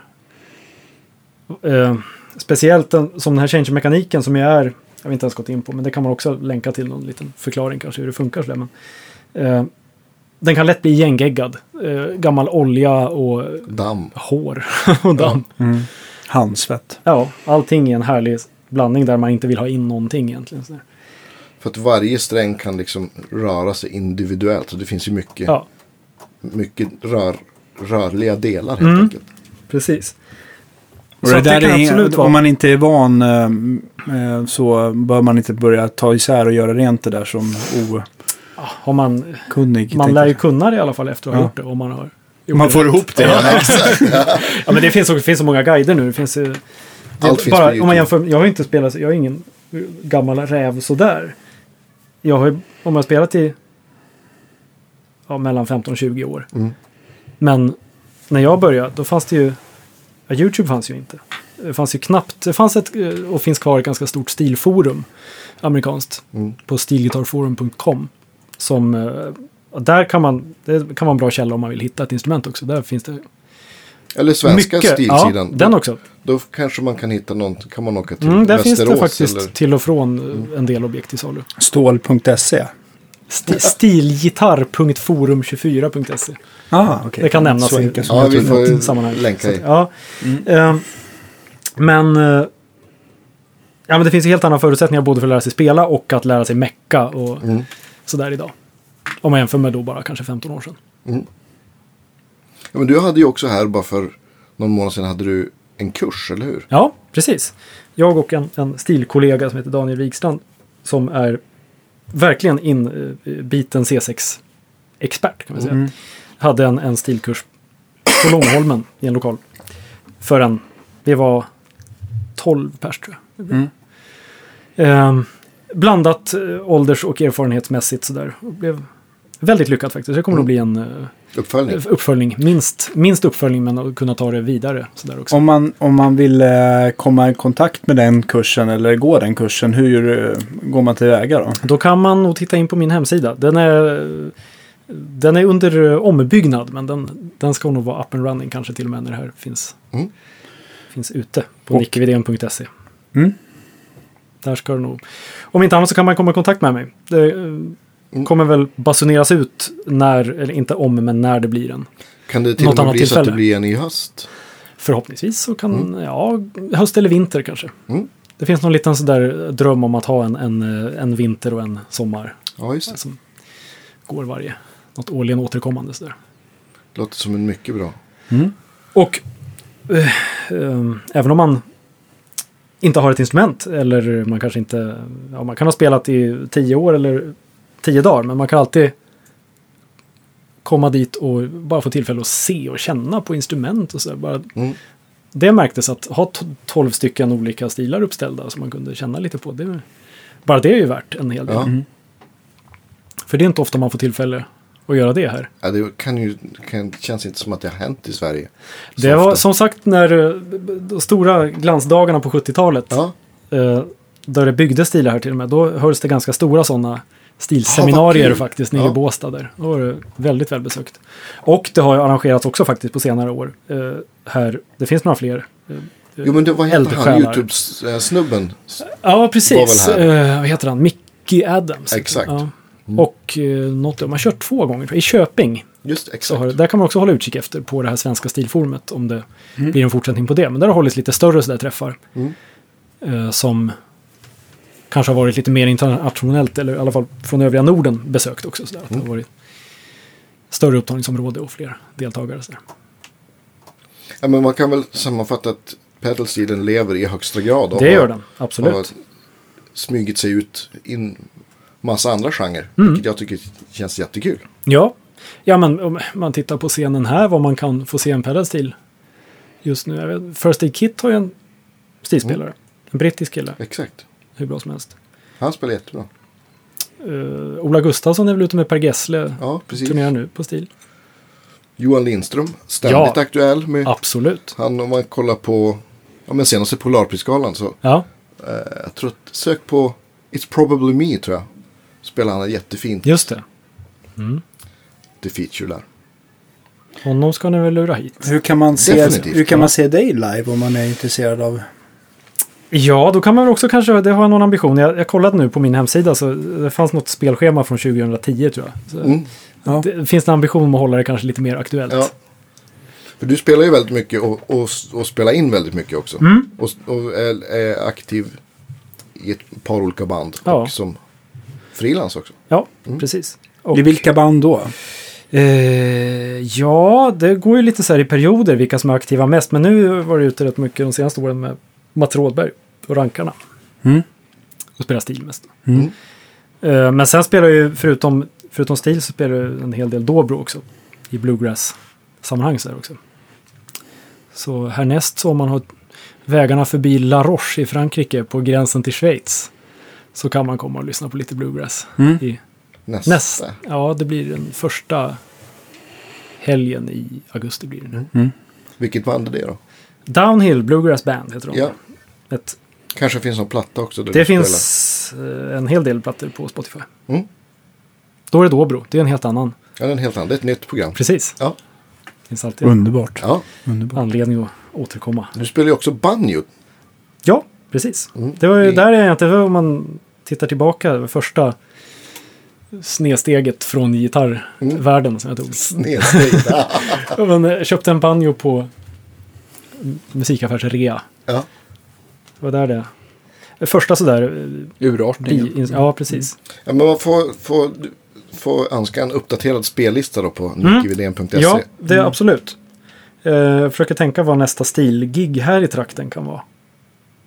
Ja, alltså det, vi har ju ett rikstäckande program så att det Ja, kan ju vara utom ja. Ja. men det man får, man får hålla utkik. Det har försvunnit ut ur huvudet. Ja. Det finns i kalendern men inte. Det, kommer mer. Det känns som att, att särskilt på somrarna så spelar du många dagar i veckan. Överallt i Ja, hela Sverige. det blir ju så. Det Ja. har varit i alla fall hög säsong. Mm. Jag tänkte i alla fall om man bor i, i Malmötrakten så finns det väl alltid möjlighet att gå på och kolla på The Countryside of Harmonica Sam som Ja. spelar ganska ofta i, i inne i, Mm. ja, de spelar väl inte bara i Malmö givetvis men, Mm, men mm. de är ju huserade nere Ja, neråt ja, Skånetrakten där. Sen så tänker Ja. jag uppåt Göteborg också så har vi um, här um, eh, Western Tone Flyers. Precis. kan man kolla in lite extra. Båda banden med ypperliga stilspelare. Ja, fantastiskt Ja. bra. Mm. Eh, vad har vi mer för, eh, jag tänkte på Conny där som vi pratade om lite innan. Mm. Han kör ju Mm. rätt mycket dansbandssvängen Mm. men jag vet Mm. inte vilka han är ute med just nu. Nej, Berra. vet inte riktigt. Ja, Berra i Borås. Mm. Väldigt bra. Mm. Nej, det finns väldigt många. Jag, jag tror om man tittar på det här svenska stilforumet så tror jag det var om det var, om det var 300 eller 400 registrerade medlemmar. Det är Då- mycket. Inte bara i Sverige, kanske i övriga Norden också, men det är mer än man kan tro. Mm. Och faktiskt väldigt många som är ute och spelar och faktiskt Mm. giggar. Tänker också på eh, Stockholmsbaserade Fatboy med listnings. Ja, men Jan, just det. Ja. Just det. Just det. Man får höra lite grann. Ja. Ja. Ja. men det, listan går vidare. Men jättestort tack att du ville Stort komma verkligen. och dela att med dig av din... komma. Nu har vi fått tänker, pedal du, må, så- du måste få spela ut oss sen också innan vi... Men jag, jag måste också passa på att tacka. Då det här programmet sänds, då har vi haft över 100 000 lyssningar Ja, på vår podd.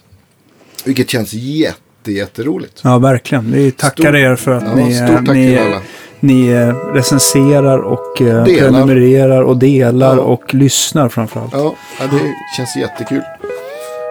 Så att, Grymt. eh, ja, men, stort tack för idag och Nicke du får take us home.